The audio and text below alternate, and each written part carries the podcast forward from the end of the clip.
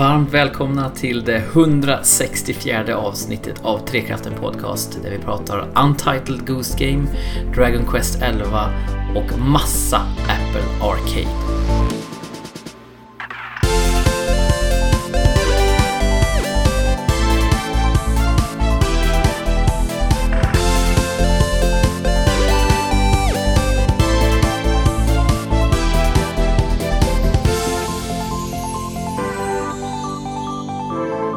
Yes! Det är Trekraften igen. Och eh, det är ju inte så att vi eh, delar samma mamma, varken vi som spelar in eller ni som lyssnar. Men det känns ju så. Det känns ju som att vi är en familj. Eller hur Alex? Ja. Det gör det verkligen. Så är det ju. Eller hur Fabian? Ja, Ja. men ja. Alltså det är ju så att faktiskt det är ett par av oss som delar samma mamma. Ja, men inte idag just. Nej. Eh, Nej.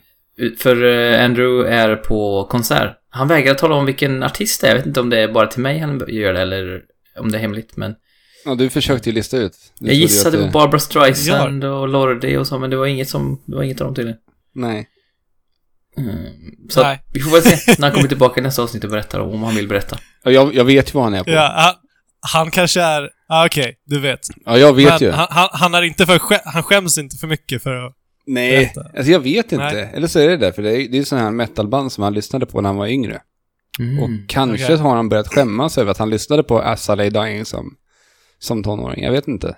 Nej, är det As I Lay Dying? Ja. Är det sant? Som ja, han- jag hade ju gått dit också. Mm. Men det kan ju vara så att han skäms Du- över att vara på eh, den konserten idag. Mm. Ja. Så kan det vara. Men inte så långt ifrån Lordi då. Nej. Nej. Nej, det, det är typ det, samma sak. Det är praktiskt taget, precis, grannar när det kommer till musik. Ja. Eh, genres. Och för er som undrar vem jag är, för jag har inte sagt mitt namn, det är jag som är Jesper då, för er som undrar, eh, som lyssnar. Och man kan också undra över inledningen. Eh, det var ju också en referens till ett spel, faktiskt, numer. Eh, för det var ju eh, ert två, Fabian och Alex, favoritbands Watch. kanske mest lyssnade låt på Spotify. The Mother, Exakt. The Mother We Share, just det. Den, den modern som vi, som vi delar. Mm. Ja. Ja, jag och Fabian har ju det här. Vi har ju nämnt i podden förut, det är vårt gemensamma favoritband. Vi, vi, Ja. vi lyssnar ju ofta, vi har försökt lyssna på deras låtar när de har släppts eh, över Discord tillsammans och sparat dem och inväntat varandra för att lyssna på dem tillsammans. Mm. Exakt. Men... Och Eh, jag har en Best of Churches eh, spellista på min Spotify och det är, det är liksom de som går varmast mm, här i, i högtalarna. Ja, fantastiskt band. Mm, och anledningen till att vi pratar om churches, eller chvrches som jag skulle ha sagt. Jag, eftersom det är ett V istället för ett U och jag är inte Ja, tillräckligt eh, hipp förstå, för att förstå det. Men, Exakt. eh, Men du måste förstå att man måste, de måste vara lite coola och liksom utmärka sig själva, så därför har de bytt ut U mot ett V. ja. Det blir, det blir mer googlingsbart blir det ju. Det blir det ju Det verkligen. blir. Annars om du, om du kör churches med ett U så får du ju Det finns mycket. massa konstiga eh, Ja, andra saker. precis. Men eh, vi har ju nu fått höra då att eh, churches gör en låt. Eh, är det till och med temalåten kanske, eller? Ja, alltså den heter ju Death Stranding, den här låten. Mm. Till eh, A Hideo Kojima Game Death Stranding. Ja, Ja. det stämmer bra. Och eh, alltså den, den här låten, jag var ju, det var, det var så lustigt för att jag liksom hade börjat idag, innan Andrew länkade den här i Ja. våran chatt, så hade jag suttit och delat videos till Fabian samma dag. Med- Om churches. Ja. och liksom bara någon timma senare så får vi en ny, nytt släpp bara sådär. Alltså jag, jag blir ju Ja. helt lyrisk Ja, helt så fort sjukt. de släpper ny musik. Helt sjukt. Och jag lyssnar på den här låten och det är ju lika bra som Churches alltid är. Det är ju helt fantastiskt eh, jädra skitbra. Jag är beredd att hålla med, men eh, jag måste ju då undra hur många gånger du lyssnat på Death Stranding än så länge? Ja, jag vet faktiskt inte. För att det, det är ju så, när Churches släpper nya låtar så kör jag på repeat. Och då kör jag Ja. repeat hela dagen. Så att jag är väl uppe i säkert ett 50-tal gånger idag säkert. Ja, Det är, det, är så det, är- det är så det är på Churches release-dagar. ja, ja det, det finns ju inget annat alternativ, men eh, jag är inte riktigt uppe i de, i de siffrorna Även fast den har gått på repeat när jag har spelat, spelat musik. Men vad är klockan där i Brasilien kanske- nu? 30... 20-30 gånger någonstans. Nu är den fyra, Ja, du ser. På när eftermiddagen. jag säger det här. Eh, Så att det finns ju många timmar kvar på dagen. Ja, men eh, det är ändå märkligt att han tillåter, att Hideo Kojima tillåter Churches att själva då titulera sig. Att de kredi- får kreditera sig den här låten. Att inte han gör det själv, tänker jag. Eh, alltså bara själv. ja, men det var, ju, det var ju på Twitter här en, en liten storm efter, efter att han själv hade... Eh, ja, ja, det kändes som det kom lite så här... Ingen hade riktigt frågat och så twittrade han att jag är inblandad i alla delar i det här spelet. Jag har gjort det här och det här och det här och det här. Och så Jaha. kände man lite att... Och så kände man lite att ja, går inte det här lite exakt stick i stäv mot typ vad di- diskuteras i spelbranschen mycket nu att så här It's a team effort och folk sliter ihjäl sig för att göra spel och eh, sådär. Eh, Så det blev ju en stor snackis. Ja, ni försvann för mig, så jag hörde inte vad ni sa. Men Hideo Kojima. Ja, han tog ju åt sig äran, eh, kunde man tolka det som, för det mesta Ja. i, i Death Stranding. Eh, och att det går Oh lite... fuck! Nej, nu är det bålgetingen igen. Ja. De där brasilianska bålgeterna är livsfarliga alltså. Ja.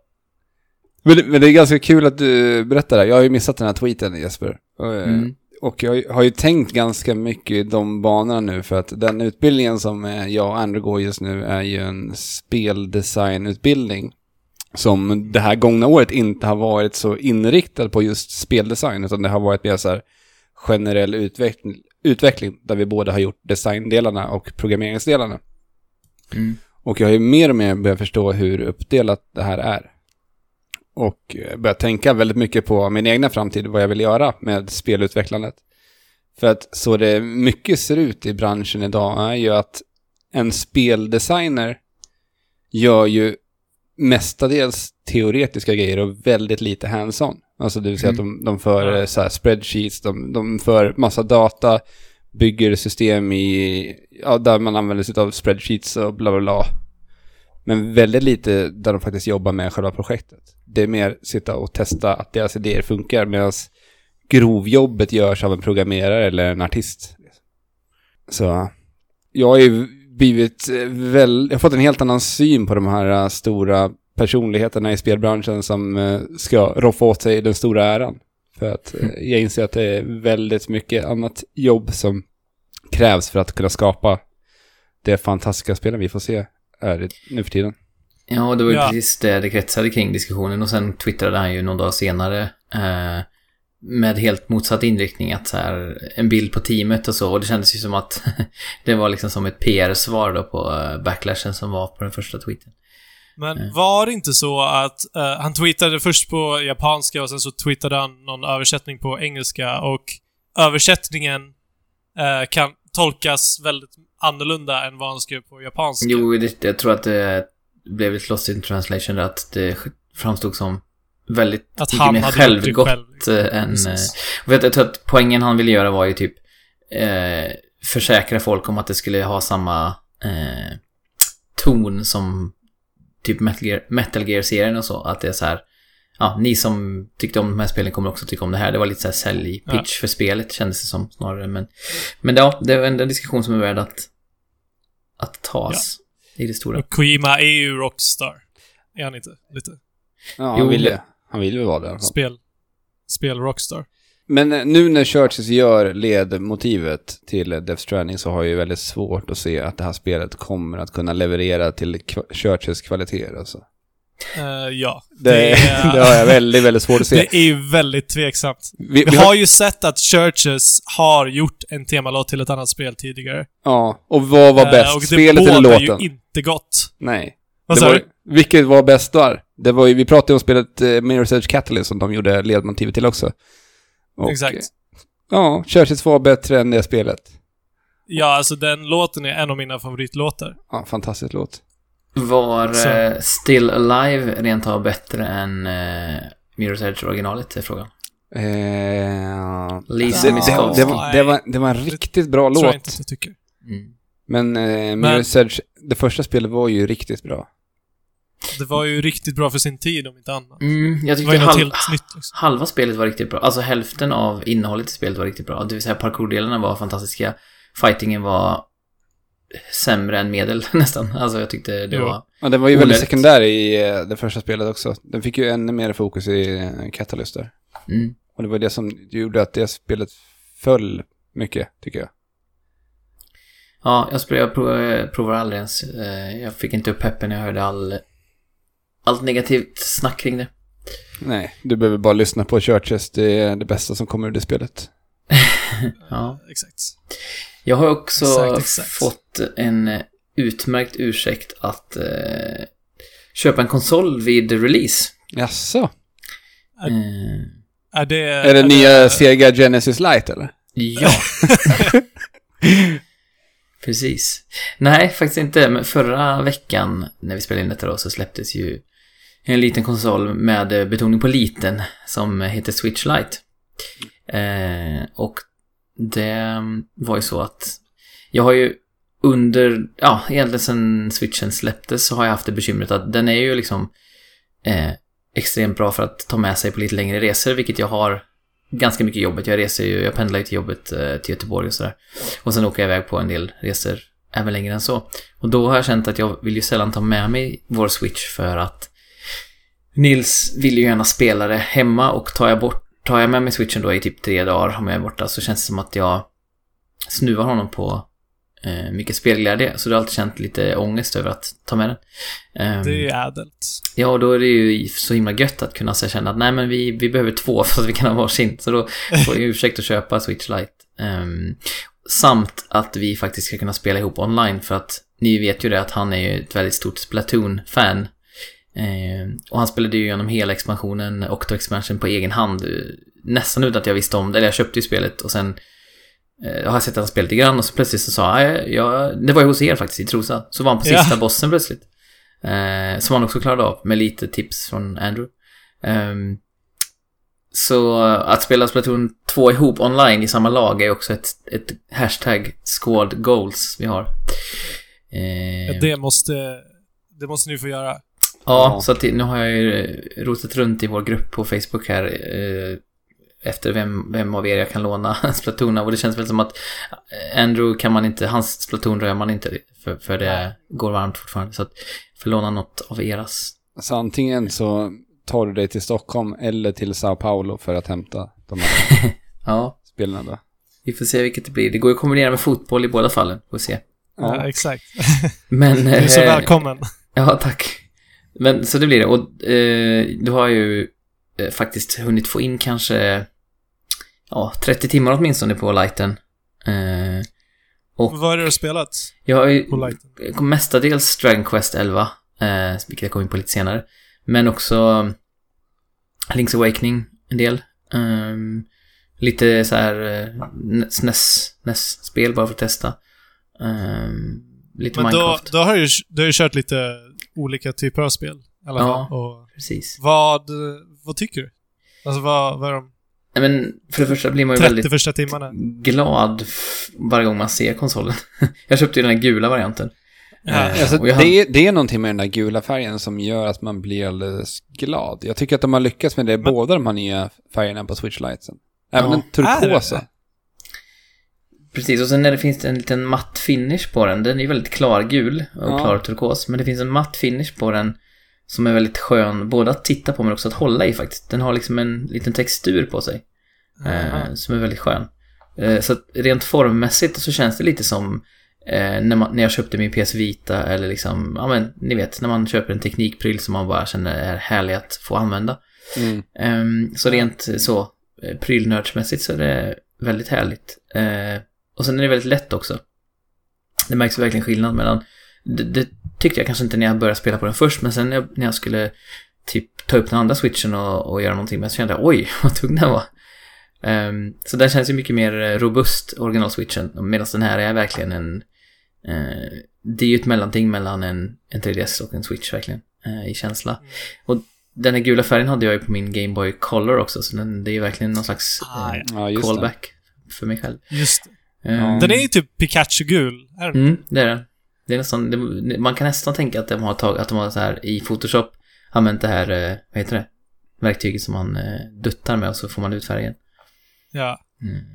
Men eh, jag, jag har den framför mig, eller jag sitter och håller den i händerna just nu. Den är ju... Eh, I vissa lägen när man behöver använda båda styrspakarna i 3D-spel så upplever jag nästan att den är för... Att, att tummarna sitter för tätt ihop. Eh, jag har spelat mycket Dragon... ihop? Nej, men jag har spelat mycket Dragon Age, eller Dragon Age, jag tänker hela tiden Dragon Age, Dragon Quest. Eh, och där är det ju ett 3D-spel där jag tittar runt i världen hela tiden. Och måste jag styra Just både vänsterspak och högerspak samtidigt så upplever jag ibland att ehm, konsolen är ju inte lika bred som en original-switch. Så då Nej, blir det som att eh, det blir inte en helt naturlig handställning, jag måste använda båda spakarna samtidigt. Ehm, Men jag, tänkt, jag tyckte att switchen var för bred när den kom, om något. Liksom, Ja. Den har inte känts bra, men jag menar... Den är ju det bredare laget som den är. ja, det, då kanske de har överkompenserat lite för långt åt andra hållet. Jag vet inte. Men, Ja. men ehm, Men hur, jag, jag måste fråga bara, de här spakarna mm, på, på lighten. Är det samma spakar som de sitter på en Joy-Con eller är de liksom lite högre? För det är någonting jag kan tycka är lite jobbigt att sitta och spela längre i på den vanliga switchen, att det är så små spakar. Eller är det... nu borde jag, nu borde jag efter jämföra dem med, men spontant så känns det som att när jag tittar på dem nu att de sticker upp något mer. Men ja, Ja, jag, jag, jag, haft... tyck, jag tycker att jag, när jag har sett det när jag har kollat på bilder på den, att det ser inte ut som att det är riktigt samma spak som det sitter på Joy-Cons. Att det är liksom Nej. en mellanting mellan en, en Pro Control och en Joy-Con-spak. Mm, nej, men det känns ju mer eh, robust och sen så tycker jag ju det är skönt när man är ute och reser mycket med den att den inte går att slida av Joy-Cons för den, det känns ju alltid som de är lite uh, flimsy. Det är skönt att det är ett stycke när man tar med sig den mycket. Ja. Eh, skärmen är jättefin, den känns ju toppen. Eh, Har, de har, men de har inte gjort några ändringar på skärmen. Den är lite mindre bara. Mm, precis. Och, och genom det så blir den ju något liksom skarpare. Ja, precis. Och sen är det ju lite bättre ba- ba- batteritid. Jag märker ju det. Eh, jag, laddade ju konsolen eh, ja, och sen tog jag med den och spelade på, på resa och så kom jag tillbaka och hade inte ens tänkt på att jag behövde ladda den. Så att den håller ju i eh, typ den dubbla tiden skulle jag säga jämfört med en vanlig Switch. Ah, jaså? Så- De, det, enda, det enda de jämförde med när de um, showcasade Switch-lighten var väl var väl bara tung, tyngre spel som Zelda, eller var det lättare spel också? Jag vet inte, men jag har ju spelat Dragon Age... Nej. Det har jag inte. Jag har spelat Dragon Nej. Quest eh, nästan bara. Och det, och det är också... Det är ett tungt spel. Det är ganska tungt, ja. Det är liksom grafiktungt och i 3D hela tiden. Så att eh, jag skulle säga att det borde vara en ganska bra markör. Då, då har de varit eh, lite, eh, vad heter det, humble. När de, när de har satt batteritiden, eller? Mm. Jag vet inte vad de har sagt på förhand. De sa väl bara att det skulle vara någon timme längre, Ja. om ens det.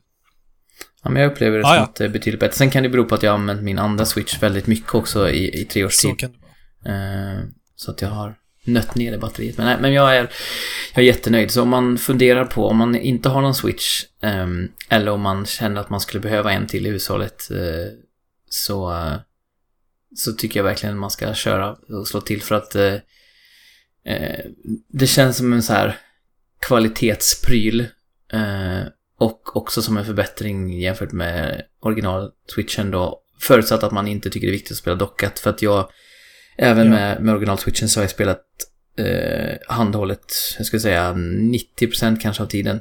Eh, Mm. Även när jag är hemma så sitter jag i soffan och spelar. Eh, alltså med Switchen i soffan snarare än på TV. Mm. På TV spelar jag PS4 liksom, det är det jag brukar använda den till. Ja, det blir nog en sån här för mig sen när, eh, när det är dags för Animal Crossing. Alltså. Ja, det känns ju också som det kommer vara en typisk sån situation där, där många vill spela det ihop. Ja, I och med att det är alltså, co-op också.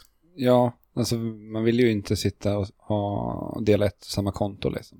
Och ha en switch och skifta emellan hemma. Då vill man ju spela ihop. Nej, det går ju inte. Nej, Ja. men jag har skaffat en Nintendo online familjepack också så nu har jag...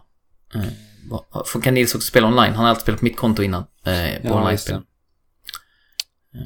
Ja, Men hörni, Men jag tror att vi får... Ja, det känns väldigt kul att ha den här hemma. Men jag tror att vi får djupdyka ner i spelen nu för vi har en lista som eh, Fabian eh, utbrast här innan vi började spela in som, som aldrig förr. Den är längre än någonsin tror jag. Eh, Ja.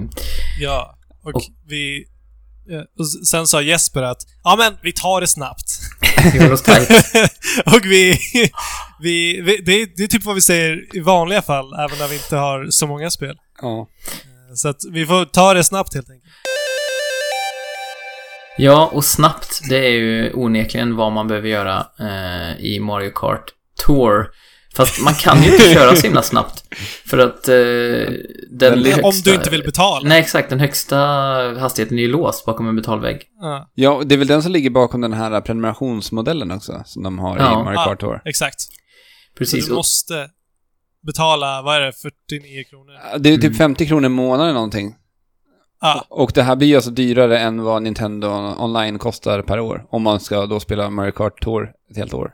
Och inte nog med att det blir dyrare än Nintendos egna online-tjänst på Switch. Utan det blir också lika dyrt som eh, Apple Arcade, som vi kommer att prata jättemycket om idag i avsnittet. Ja. Eh, och, det, och då får man ju liksom låsa upp en hastighet och du får alltså, eh, ja, lite fler karaktärer och lite fler karts liksom. Det känns ju absolut inte som en bra, ett bra värde. nej. Det är så jä... Så, alltså, har något varit så fel i tiden som Mario Kart Tours det- betalläge? Ja, Det är sån otroligt taskig timing alltså. Ja, det släpptes ju i princip samtidigt som Apple Arcade också. Det är det som gör Ja. det ännu värre. Eh, det men, och, och, och, och det är så konstigt för jag kommer ihåg att innan de började släppa mobilspel så sa ju Miyamoto tror jag det var att vi kommer inte ha eh, mikrotransaktioner. Utan vi kommer Mm. bara släppa spelen och så kommer de vara eh, fullpris-spel, de kommer kosta lite mer och så, ja precis. Och så var det ju fallet med mm, Mario Run. Och sen var Exakt. det väl inget mer? Nej, sen har det bara varit olika... Var. Och det har ju varit olika former av uh, mikrotransaktioner också. I, I Fire Emblem var det gacha-system som man skulle få karaktärerna. Ja, just det. Ehm, och Ja, i, just ehm, i Mario Kart Tour så är det som sagt en prenumeration och i Run var det då att man betalade hela, uh, hela spelet på en gång. Det, har det varit något mer spel? Det känns som jag. Animal Crossing. Ja, ja. Just det. Eh, Och det var det kö- för att köpa för att typ speeda på uh, mätare va? Ja, jag tror att det var sånt. Precis. Ja. Du bygger, du bygger saker, ja, lite sånt. Eh, sen har vi Dr. Mario såklart. Mm. Hur var det? Alltså? tidigare. Alltså där handlar ju om att köpa de här, ja, likt Candy Crush så köper du, eh, vet du det, hjärtan. Hjärtan att eller liksom kristaller. ja, precis. För att kunna köra, om du är desperat att, eh, när du har bränt alla dina liv och vill fortsätta Ja. så kan du köpa f- hjärtan. Då har de ju verkligen gjort olika på var, varje spel. Det känns som de fladdrar totalt liksom i vad... Eller, eller så testar de alla modeller, jag vet inte. Men det känns ju, Ja. det känns ju mer som att de är väldigt så här osäkra på hur de egentligen ska ta sig an mobilmarknaden. Mm. Ehm, Ja, men verkligen. jag- de har ju testat massor fram tills nu. Ja, och jag tyckte Run var ett riktigt bra spel. Jag tyckte det var det överlägset bästa jag har spelat av deras spel så här långt eh, på mobil. Ja, och det, Mario Kart, om det skulle vara ett betalspel så skulle det inte kännas... Alltså, nu, nu är det ju dåligt i tiden som sagt, men, men att en, en så stor del utav spelet är, är låst bakom en prenumerationstjänst känns väldigt, väldigt smutsigt. Ja, Men det, tror du att de kommer ändra det här då? För med tanke på otroligt mycket kritik de har fått eh, för det. Alltså jag tror att de Ja, måste. vi för att det är så, speciellt med eh, iOS-användarna idag, med, eh, som vi har nämnt, med Apple Arcade. För att det, det jag kände, jag blev ju rekommenderad Apple Arcade av dig Jesper, Mm. typ på releasedagen av just Mario Kart Tour. Ja. Där jag hade suttit och försöka komma in i det här Mario Kart och sen så berättade du om den här tjänsten Apple Arcade som jag totalt har liksom ignorerat för jag trott att det skulle bara vara något litet fluff som... Någon lite, ha, någon lite så här taffligt försök av Apple att göra en speltjänst liksom. Mm. Ja, jo. Men, men som visade sig vara rena guldgruvan istället. Det, jag tror Apple Arcade är eh, framtidens spelande mer än vad vi har sett mycket annat vara, vara framtidsspelande. Det går ju lite i andan Framtidens av, spelande idag. Ja, men det går ju lite andan av streaming och det här också, fast man streamar Ja. ju inte spelen på Apple Arcade, utan det är ju, man laddar hem. Men, men vi, vi kommer in på det alldeles snart, men vad tycker ni om Mario Kart ehm, som spel betraktat om man struntar i, om man, om man ändå anstränger sig och bortser från det här betalhärket? Alltså det, det första jag tänkte på och reagerade på snabbt när man fick välja Jag tror det var just i den här tutorialbanan där du fick välja mellan två olika kontrollmetoder. En som skulle vara simpel och en Mm. som skulle vara fokus på typ lite mer avancerat. Drifting. Ja, för, på driftingen precis. Så valde man ju såklart drifting för att drifting är ju lika med Mario. Kart. Ja. Och jag hade enormt svårt att förstå mig på. Min, eh, min karaktär då hoppar hela tiden inför varje kurva. Så det blir som, som en uh, hoppåkning med den här bilen där jag hoppar mig framåt. Och jag förstår inte på kontrollerna. För att, för att jag hade ju förväntat mig att kontrollen skulle vara så fort jag liksom drog fingret åt en riktning så hoppar min karaktär direkt in i en drift. Istället för Mhm. att den har som en liten eh, mellanläge. Från att jag sätter ner fingret och ska svänga så finns det liksom inget mellanläge mellan bara svänga och drifta. Nej. Hade inte du det? Nej, alltså det, min historia är helt annorlunda. Jag laddade ner det här och sen så började jag spela det här, valde drifting och tänkte Wow! Det här känns riktigt jäkla bra. Mm. Okej. Eh, jag, jag- jag vet inte vad du menar med... Men vadå, vadå, kan du också svänga vanligt? För att när jag spelar det här spelet så, Nej. så kan jag, Nej, nej, inte driftar svänga jag bara. vanligt. Nej, du, du driftar bara. Jag driftar bara, men jag behöv, om jag vill drifta så behöver jag inte liksom hoppa innan den börjar drifta. Alltså, det, det funkar ju precis... Timingen är ju som i Mario Kart. Men hoppet är ju en del av driften i Mario Kart. ja. Så jo, din- men det är inte, det är inte som, som att det, det förstör sväng, sväng, svängen. Nej, men det blir ju jättekonstigt att spela spel när du bara ska styra det med drifting. Alltså, det, det blir lite konstigt om du behöver så här eh, justera lite smått. Men, Ja. men in, inte, mer, inte mer än så. För, alltså, jag, jag tycker att de har misslyckats helt och hållet när det kommer till kontrollen av spelet. Jaha. För att, eh, så, som jag säger, det, det hade varit bra om att från att du liksom sätter ner tummen så instanseras det liksom som en kontroll, eh, som en slider, en osynlig slider. Där vi åt Aha. båda Jo. riktningarna har liksom en eh, svängradie och sen när man kommer längre ut på den, den eh, sliden så hoppar du in i en drift istället. Är du med på hur Ja. jag menar? Jo, jo. För då skulle Just. du få lite bättre kontroll, för det blir det här problemet nu som jag har märkt ofta i det här spelet. Att jag, jag råkar svänga åt fel håll och då blir det att den hoppar in i... Och, när jag ska svänga vänster så råkar jag swi- swipa till höger. Och då Ah, hamnar jag helt offset liksom. I, och då, Jo, kan, då kan jag inte det- rätta upp det, utan då måste jag släppa och sen tappa om till en ny drift och hoppas på att jag lyckas eh, styra upp min eh, lilla kart. Ja. Och eh, det, det, de där momenten blev jag bara riktigt frustrerad på. Det har väl hänt mig typ någon gång, men inte, inte mer än så. Annars men men du är väl ett proffs då? Du är väl ett Mario Kart-proffs? Ja, nej. jag, vet- nej, jag, jag, jag vet inte Alex. Jag är ledsen. Men jag tror, jag kallar dig för det. Jag tror att du är ett proffs på det här. Jag, jag tror inte det. Men det, det är ju någonting som... Det är någonting som gör att våra, våra upplevelser är så pass olika. Jag kan eh, berätta... Jag vet inte, vad tycker, vad tycker Jesper? Men jag kan berätta om vem som är proffs på Mario Kart eh, Tour. Eh, och det är Greta. Eh, Är det så? Jaha. för hon... Ja, men jag valde ju då, för barnens skull, så valde jag eh, den här enklare kontrollmetoden som är, ja, ingen drifting utan man svänger bara. Som liknar lite Ja. med det du pratar om Alex, fast ja, man får ju inte då driften utan man får ju bara swipa med fingret för att svänga.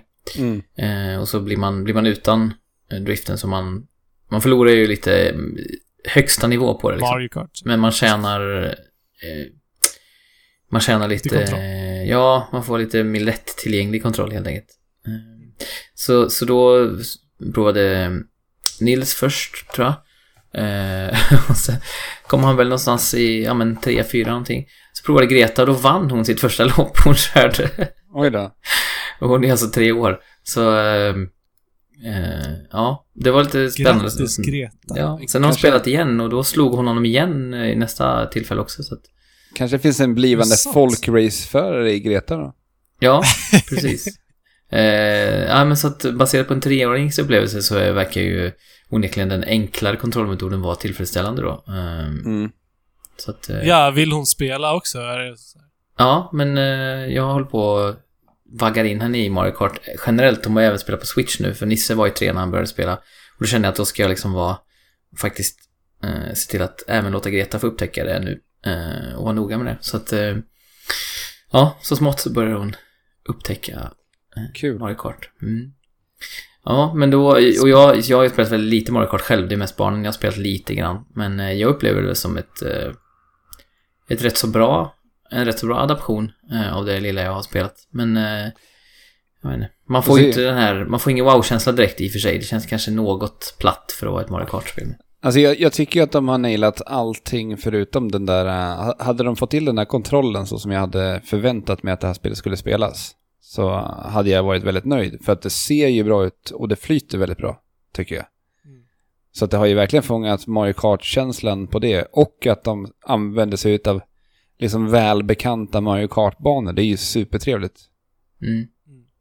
Supertrevligt eh, kan man kanske inte säga om eh, ett djur som går och ställer till med skit hela dagarna och nyper folk och kastar ner deras grejer i vatten och har sig. Men eh. Eller? Alltså, det vet det man inte. på- det finns en story där bakom. vem- Det beror också på vad det vilket är för perspektiv djur. du upplever det.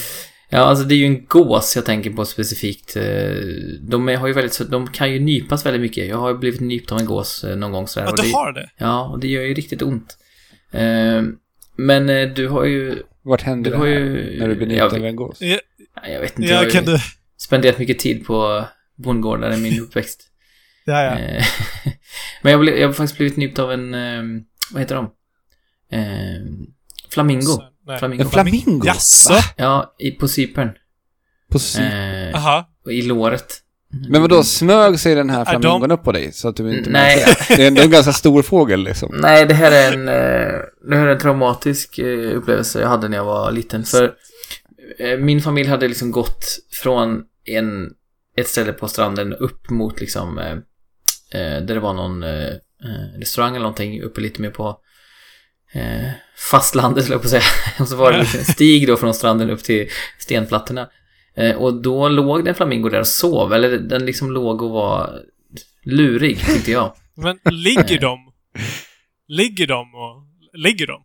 Ja, de följer väl in benen liksom och ligger på något Ja. sätt. Jag trodde de bara stod liksom. Och jag trodde också att de stod och så. Ja, de kan ju liksom, ja. Men ställningen den hade var, är inte kärnan i berättelsen, men, men och då kände jag att jag vågade liksom inte gå där, gå på den här stigen för att eh, den, den stod liksom där. Eh, den här flamingo, flamingogåsen. Eh, och min, min familj stod på andra sidan och, och var så här, ja men kom igen nu, kom, det är ingen fara, jag kanske var typ 10 eller någonting. Nej men jag, jag vågar inte, nej men, åh, bara, kom nu då. Och så till slut kände jag bara, de har, deras tålamod tar slut här, de kommer att lämna mig här på stranden om jag inte kommer snart. Eh, tar med osäkra steg och kliver förbi den här flamingon. Och den, så fort jag kommer i höjd med den så rycker den till och nyper till mig i eh, låret med näbben. Nej. Så eh, Vilken elaking. den kände jag av min smärta, eller min rädsla där. Ja, Eh, verkligen. Så att- Obehagligt. Stackars. Ja, så jag har varit nyfiken på Stackars. Untitled Ghost Game, men jag har också känt ett visst eh, obehag inför det, så att jag vill eh, att du... lite PTSD. Exakt. ja. Po- Post-traumatic... Ghost Ghost. stress Gus... disorder, eller så. Det. Ja, men Eh, eh, och det känns lite som att de människorna i den här fiktiva engelska byn också kanske råkar ut för det, för att eh, du har härjat runt med den här gåsen så så till. Det, det, det stämmer. Alltså första, alltså första gången jag såg det här spelet var på Kotaku för ett tag sedan. Där headlinen var typ It's a game where you play as an asshole goose. och det, och det måste ju såklart vara... Eller det, det, är ju naturligtvis en väldigt, ett, ett väldigt, väldigt intressant koncept och för att inte tala om en- ett potentiellt insanely good bird game. Ja, exakt. Du har ju skaffat dig nischen här i Trekraften eh, på senare tid att du tar alla fågelspel. Eller, för, förra avsnittet så sattes väl det i sten lite. Så att, Ja. vi, vi kan börja med det här och se om det faktiskt, det Extreme faktiskt kommer upp i höjderna av att vara ett riktigt bra Bird Game. fågelspel. Kan det, Men, vara, kan det här vara Extremely Good Bird Game 2, episod 2? För det, var, det hette ju episoden förra avsnittet. eh, Jo. Alltså, jag, jag skulle ju hävda att det här spelet är even better bird game. För det här spelet, det, det här spelet är så bra. Härligt. Vad är det som jag, eh, gör det så? jag älskar... jag älskar alla liksom, aspekter av det här spelet. Det, det är så detaljrikt, eh, men, ändå, men ändå så simpelt. Det är low poly va? Typ. Ja, det är low poly. Mm. Eh, det, det är typ...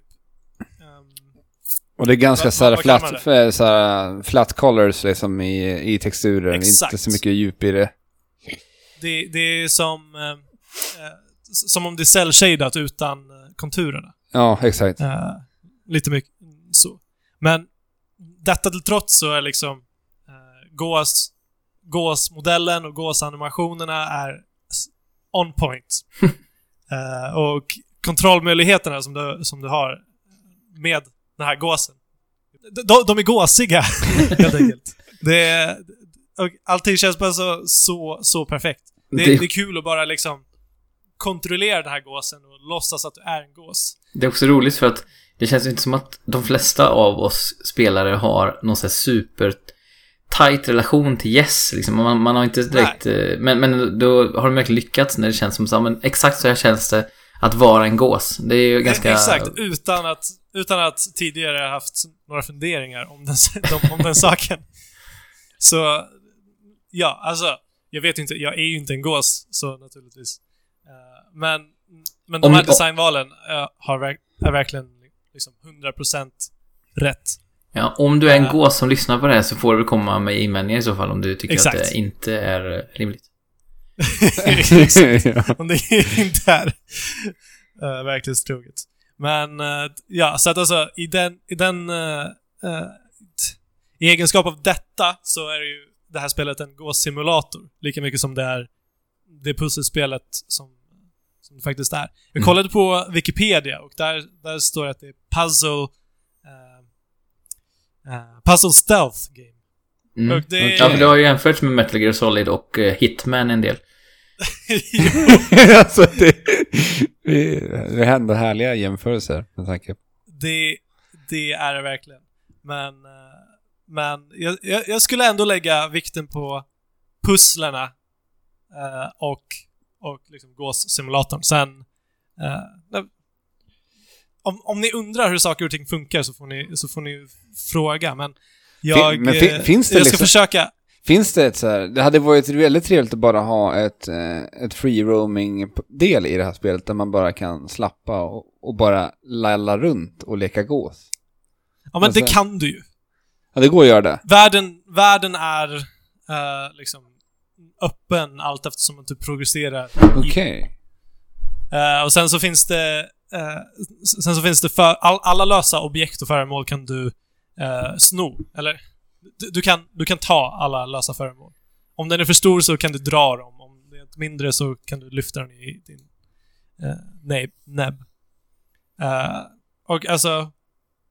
eh, och människorna i den här världen reagerar på allting som du tar, såklart. Om det tillhör dem. Så att Eh, den första människan som du stöter på är en eh, trädgårdsskötare.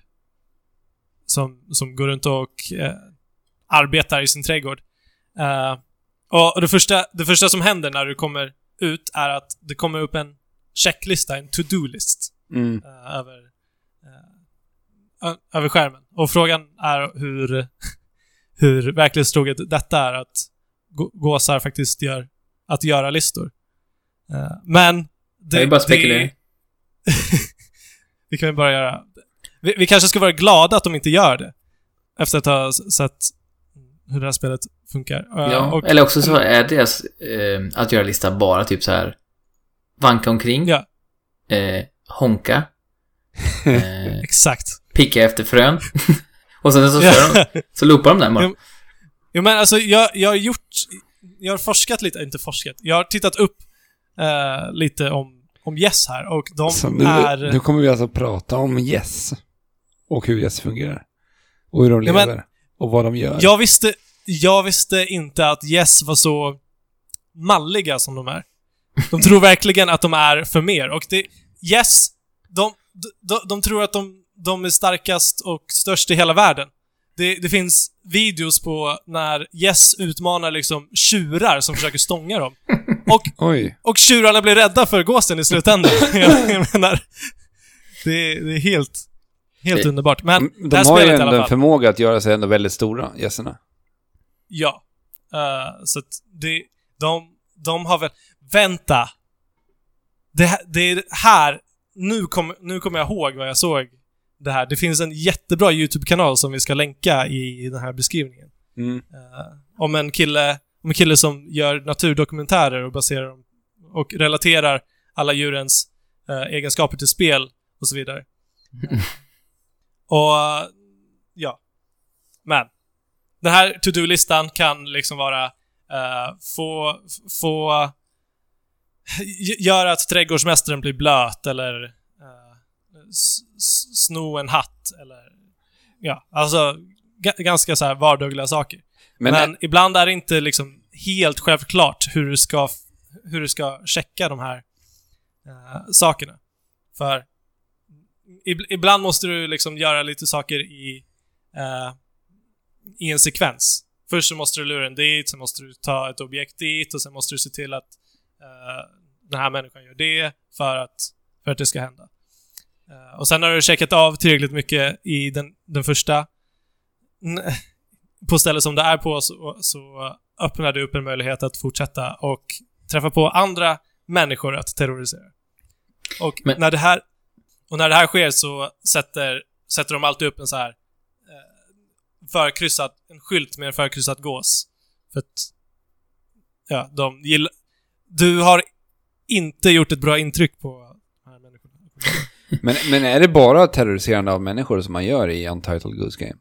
Ja. För det är ju det man har sett liksom. Ja, men det är det du gör. Mm. Uh, och det funkar förvånansvärt bra. Men kan du fundera ut vad det behöver göra när du ser, du ställs inför en situation?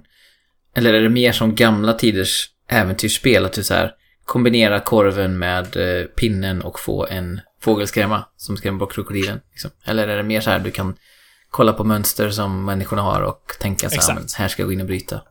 Så är det uh, mer. För alla människor har sina rutiner uh, och viss, vissa saker Vissa saker kräver att du har koll på vad de gör för att du ska kunna göra eh, en viss andel saker. Men det, det där spelet...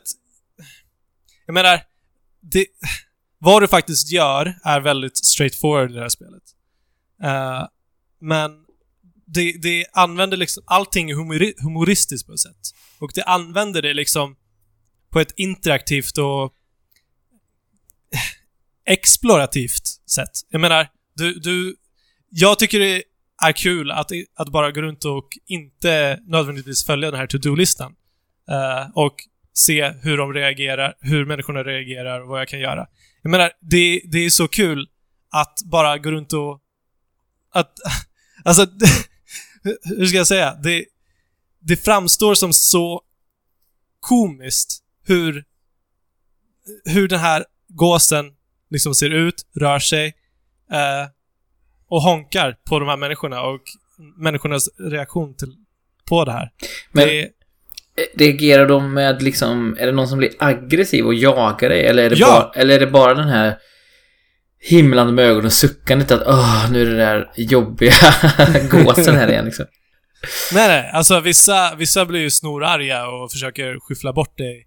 Uh, och vill, vill, inte att du, du ska vara där. Uh, vissa kan du liksom skrämma så att saker och ting händer. De kanske kastar en sak när, när, du, när du honkar precis när den är på väg att kasta någonting. Liksom. Men jag, mm. jag, tänker, är, är det stor variation på vad du gör när du terroriserar de här människorna? För jag kan tänka mig att det ligger en ganska stor behållning i att se så här, vad gör jag härnäst? För att eh, liksom busa ja, till det med eh, människorna, folket liksom. Alltså, aktiviteterna, aktiviteterna är ganska straightforward. Uh, men, men allt eftersom att du progresserar i spelet så, så uh, blir de lite mer komplexa. Uh, Okej. Okay kan man väl säga. Um, och det, det, det, det, är ett kort spel. Och för vad det gör så... Så, så, så det är liksom... Det, det, är perfekt i sin längd också. Och det är, all, det är alltid helt med korta spel som är extremt koncentrerade på det som de gör bra och sen är det klart. Exakt.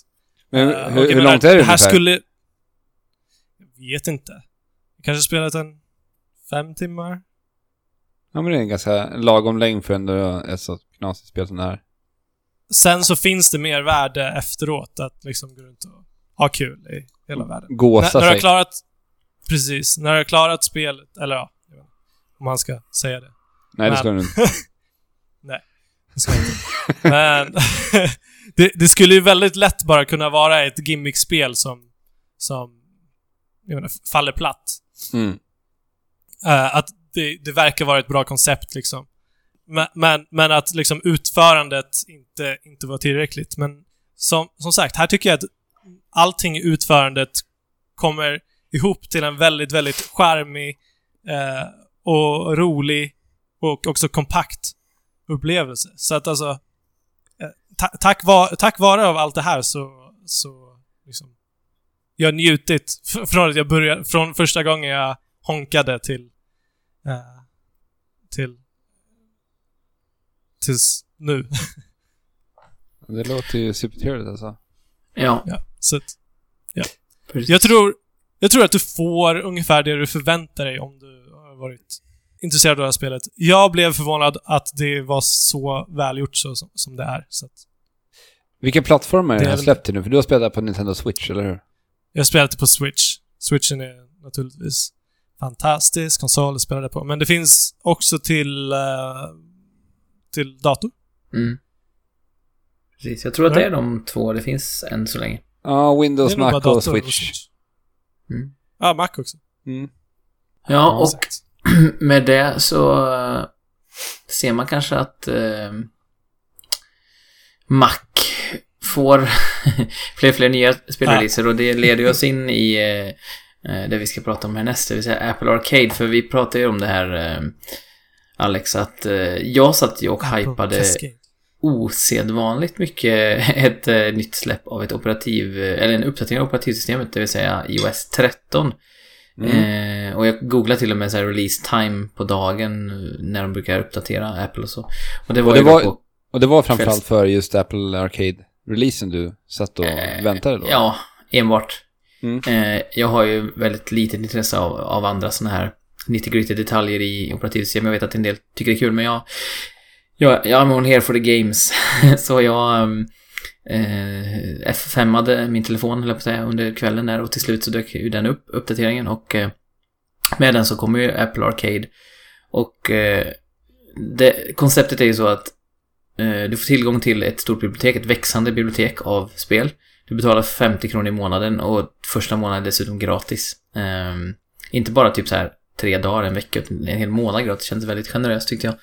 Ehm, och då får du då tillgång till alla spelen. Eh, jag tror det var kanske 70 eller någonting sånt där eh, första dagen. Och sen snabbt upp till 100.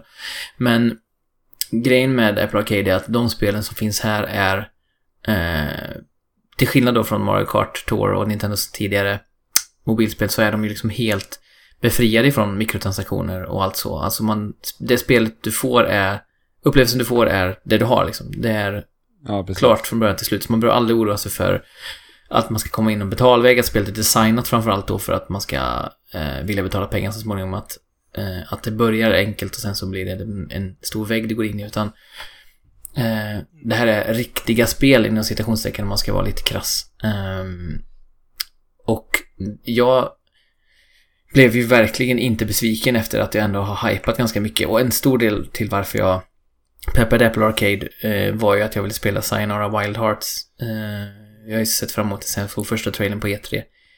Eh, eller var det, vi, det här diskuterade vi om det var E3 eller om det var på en Direct. Men oavsett, första gången jag såg det så kände jag att det här är helt perfekt för mig och jag tycker hela paketet Apple Arcade andas samma sak, det vill säga att det är så himla snyggt paketerat och det är liksom eh, på något sätt så blir man bara glad av att få det här utbudet eh, presenterat för sig för, ja, noll kronor just nu då, första månaden, men Mm. sen kommer man betala eh, 50 kronor. Men, Ja. ehm, Ja, Ja, det det- är ju det här steget som mobilspelande har, har behövt ta, Ja.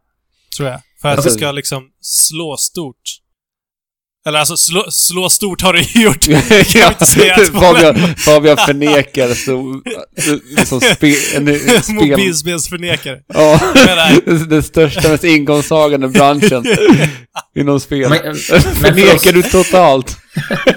Jag menar, jag menar naturligtvis på kvalitet. Ja, men för oss insnöade spelare, och man, man snuddar ju lätt vid elitism här liksom, men för oss insnöade spelare, eh, att anse mobilen som en fullgod eh, spelplattform, så tänker jag att du menar.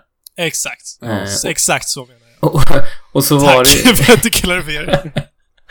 och så var det till att börja med, tyckte jag, på iPhone. Det var ju mycket så att man betalade ganska mycket för, för många av spelen, eh, de som var lite mer storska, eh, storskaliga. Och sen fick man en produkt som var färdig, sen så började liksom den här free to play-mekaniken härja mer och mer och nu är den ju helt och hållet liksom dominerande i princip. Ja, Det är ju för att det är så lätt att bara gå in och browsa och ladda ner någonting nytt och testa det.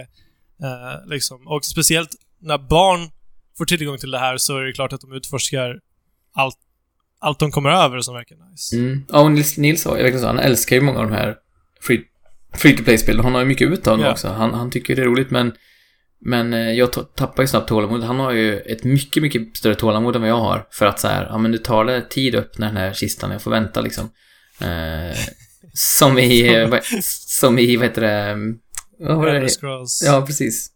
Eh, Eh, vad heter det? Dagger? Nej. Åh, Jag spelade den. Eh, till mina vänner har jobbat på det här spelet till och med. Pinsamt. Ja, men Elder Scrolls-spelet som släpptes till, eh, och som syftar till det här eh, brödraskapet. jag kom på allt Ja. utom titeln. Blades samma. heter det väl? Blades, tack. Ja. Ja. Blades. Eh, där tappar jag ju tålamod snabbt liksom. Men Nils i liknande situationer, inte just med det spelet, men jag tycker ju att så här, ja, men det, det är så spelet är liksom. Eh, och han spelar ju Roblox mycket, där det är också mycket sådana mekaniker. Men i alla fall, att bara få ta sig an då och ladda hem, det är ju inget streamade spel, utan man laddar hem dem från, från eh, App Store precis som vanligt, men under fliken Arcade då. Men att bara få ladda hem spelen och så bara spela eh, jättefina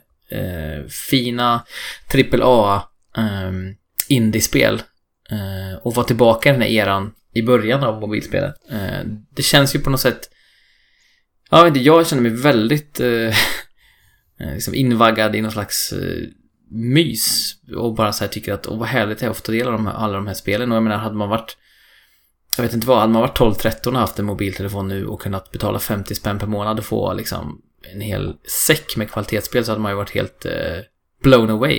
Eh, jag vet inte Ja. hur du känner- liksom har Eh, fallit för det jag bara- ganska. Ja, Alltså, Mm. Får jag bara... Alltså, jag känner ju... Ni vet, ni vet när man... Får man säga...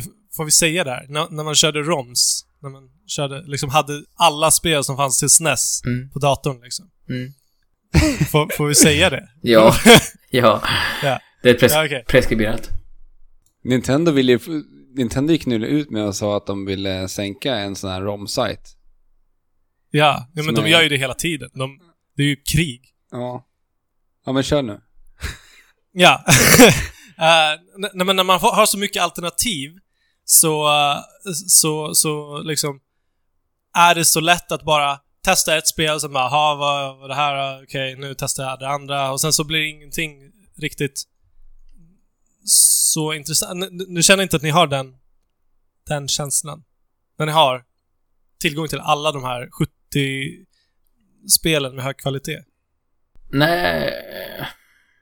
Jag, jag tycker inte det hittills. Jag vet inte, jag är ju en ganska o, alltså, otålig person generellt. Jag har dåligt tålamod eh, generellt sett. Eh, med, eh, inte med personer, men med liksom upplevelser.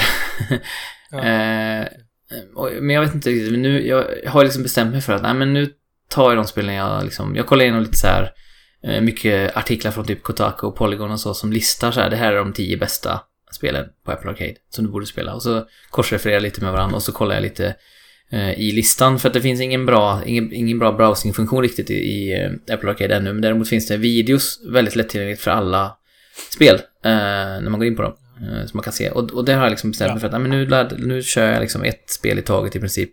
Och spelar tills jag känner mig nöjd. Och även oavsett om det är att klara av spelet eller om jag känner att jag liksom inte vill spela mer. Och sen tar jag nästa upplevelse. Så jag har lyckats ganska bra med det. Jag tycker, nej, det känns mer lyxigt än liksom slit och slängigt, tycker jag, hittills för min del. Ja, det, jag antar att det beror på hur man tacklar hela situationen. Alex då? Nej, inte riktigt så faktiskt, men jag förstår vad du menar. Men eh, jag har ju liksom, jag har gått lite på, för att det, det jag slogs av från början var att eh, shit vad Apple har lyckats flörta till sig samarbete med så mycket goa in, utvecklare. För att alltså, vid release så finns det liksom, vi har Simogo som gjorde Sayonara Wild Hearts, vi har eh, Snipperclip Studium som gjort Tangle Tower, vi har Devolver som släppt två spel till Apple Arcade nu, vi har till och med Capcom som har gjort en 2D 2D Metroidvania-spel. Så att eh, det är liksom, jag har gått mycket på utgivare och utvecklare och började så. Och sen har jag bara utforskat det här. Och sen så är jag väl lite, jag, är lite, jag, jag kan förstå det lite där med Jesper också, att man är lite, o, jag kan också vara lite otålig när det kommer till att så här, sätta mig in i spelen. Så att jag känner på dem snabbt och känner ganska snabbt om att ifall det här kommer vara något för mig eller inte och sen så avinstallerar jag och testar någonting nytt snabbt. Men jag, jag har ju hittat några riktiga guldkorn på Apple Arcade som jag, som jag vill prata om sen. Ja, och vi, har ju, vi började i samma ände. Alltså det första spelet som jag eh, spelade var ju Sayonara Wild Hearts som sagt. Eh, och det var därför jag testade tjänsten. Men det första spelet som jag eh, pratade med er om tror jag var Grindstone. Ehm, och det hade jag hört mycket om innan och kände väl att det här är ett spel som du Alex eh, specifikt kommer gilla. Mm. eh, för det var liksom... Eh, det, grundpremissen för spelet är att man ska ta sig upp för ett, ett eh, kylslaget berg som är en köttskalle till eh, krigare. Eh, det är designat i jättemycket så här Adventure Time-stil. Det ser ut som att det är samma estetik rakt igenom i princip. Och så är det väldigt basic till att börja med. Du ska bara sortera ihop. Du ska liksom dra med fingret för att få chaina ihop eh, kedjor av monster av samma typ, samma färg då. Och får du tio stycken eh, monster i en kedja så får du en eh, kristall som du plockar upp. Och då kan du byta färg mitt i en kombo. Så du kan dra tio gula och sen kan du gå in på de röda istället och så kan du liksom kedja ihop väldigt långa kombos. Eh, Ah, okej. Så det är typ som Candy Crush, fast med monster? Nej, inte riktigt. Alltså, jag menar... Inte det, det, är mer, det är mer som, eh, jag vet inte om någon av er spelat... Eh, eh, det, eh, Sushi Striker spelades på precis samma sätt. Alltså Ja, att man, man, man börjar på sin spelare och drar utifrån sin spelare. Sen har du liksom alla riktningar från din spelare. Det är ett gridsystem. Sen så börjar du med att dra i en närliggande fiende i en specifik färg och sen så fortsätter du i en lång kedja. Där du bara Ah, okej. hittar en väg som du kan gå. Okej, handlar du om hittar en väg genom den här griden. ja, som Ja, du, okej. du drar emellan för att skapa liksom en- den bästa kombinationen. Så det blir väldigt mycket så här, man, man stannar av emellan de här attackerna och kan verkligen så här, testa sin, sin lilla rutt innan man trycker på attack. Liksom. Ja, det är det som är så skönt också, att du inte committar förrän du har tryckt på en extra knapp. Så du committar inte när du börjar dra, utan det, du kan verkligen, som, som Alex sa, testa lite olika rutter. Och sen, sen läggs det också till föremål efter ett tag. Och då kan du också använda dem för att skapa en rutt. Till exempel en pil du kan skjuta på en, ett enskilt monster för att komma för att få undan den så du skapar liksom en, en lucka där det blir, kan du fortsätta din runda och du kan ta en sköld så att du hamnar på ställen för efter ett tag så börjar fienderna bli eh, fired up och är arga på dig och börjar slå efter dig. Eh, och står du innanför deras radie så tappar du ett liv. Eh, men har du en sköld då som du kan använda så kan du liksom medvetet ställa dig, om du tycker att det är värt det, liksom ställa dig, ja men min kedja blir perfekt här men då kommer jag hamna över ett monster som slår mig nästa runda men då kan jag ta skölden så, så, Ja. neg- så negatar jag den attacken men då tar skölden slut och så får du den tillbaka först nästa bana då. Eh, och så är det väldigt mycket risk-reward för du kan uppehålla dig länge på en bana om du vill få mycket chains och mycket godbitar som finns på banan. eh, Både material du kan crafta med och även typ eh, kistor och sådär. och Klara av bossar och så. Men, men om du håller kvar för länge så kommer ju i princip hela brädet till slut vara sådana här arga monster som slår dig. Så då blir det nästan omöjligt Ja, att ta dig därifrån till slut. Eh, Ah, nej, vad kul. Och sen ett, till lager på det där risk and reward-tänket som jag tycker de har satt så himla bra. Det är att de, de liven, du har tre liv i det här spelet. Och eh, om, du, eh, om du dör på en bana så kommer du att börja nästa bana med ett liv. Så att du måste spara, samla in de här gemsen som Jesper nämnde för att gå till den eh, lokala baren och eh, köpa lite hälsodryck och då ladda upp eh, livmätaren igen. Så där, och där kost, de kostar ganska mycket att fylla på med livet, vilket jag tycker blir, det blir, gör, ett, gör det här spelet väldigt mycket bättre tycker jag. För att det, Mm. det visar på att man kan Men- verkligen klara av de här banorna. Om man, om man gör dem noggrant och långsamt och tänker efter på alla drag som man gör. Så går det liksom att klara de här på, en ban, på ett liv. Ja, och det blir ju Ja. mycket mer av ett strategispel än till exempel Candy Crush. Det, kan, det finns säkert jätteavancerade Can- Candy Crush-spel som klarar av att här, se om jag släpper den här kombon här så kommer det kedja där och där och där. Men för mig blir det ofta så här bara, det råkar ramla lite grejer här och var och så exploderar det och så känns det gött liksom. Man får, man får poäng. Men, Ja. men här är det ju som sagt mycket mer eh, eftertänksamt. Eh, Du gör i princip aldrig ett drag där du bara känner nej jag testar och, och ser vad som händer utan allting är planerat hela tiden. Och, eh, det räcker ju med att komma till bana 7-8 så blir det ju svårt, alltså det blir utmanande ganska snabbt också. Ja, Eh, i, I alla fall för mig som inte är speciellt bra på pusselspel. Men, eh, men alltså Det musik, verkar ju riktigt, riktigt nice. ja musik och ljud är också så här eh, högkvalitativt liksom. ja. ja det är ju superbra. Jag vet inte vem, vem, vilken musiker är det som gjort till det här? Jag minns inte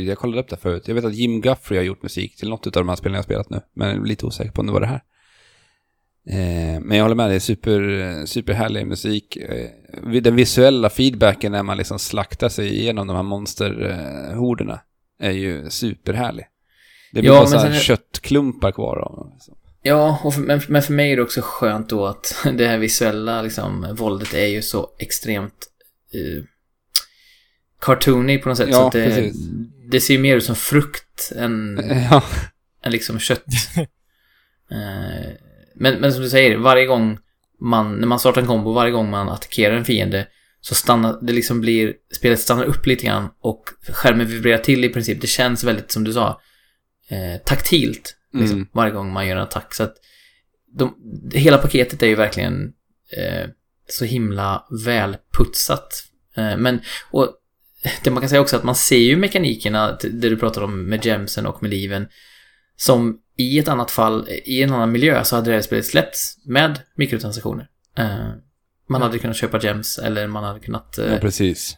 köpa items och så. Och det hade ju verkligen förtagit mycket av glädjen med det här spelet. Mm, absolut. Så, eh, och då tycker jag det är många av de här spelen vi har kört. Man känner så här, här hade de ju tvingats mer eller mindre slänga in en free to play-mekanik för att funka på den marknaden som den ser ut utanför Arcade. Eh, För det blir ju lite så här, Arcade-fliken blir ju lite så här, ja men om ni är villiga att betala lite för kvalitetsspel så kan ni göra det här liksom. Medans övriga marknaden High Chaparral och ni kan spela gratis om ni vill. Medan valarna betalar åt er, typ. Ja, exakt. Och det här låter, det låter som ett jätte, jättehärligt spel. Jag vill, jag vill ha det här på mobilen. Alltså, Har du en iPhone? Jag har en iPhone. Fixa Apple Arcade. Nu får Eh. Eh, det, det roliga var att jag, jag så insåg att det här var ju utvecklaren som ligger bakom spelet Below också, som har gjort Grindstone. Capybara Games. Mm. Eh, det spelet som många, jag tror, glömde bort. Det var ju så otrolig hype kring det spelet på E3 för en herrans massa år sedan. Mm. Släpptes väl i år? Eller var det slutet på förra året? Ja, nej, jag tror det var i våras, eh, Ja. vill jag minnas. Det fick Vad väl blandade, blandade recensioner. Ja.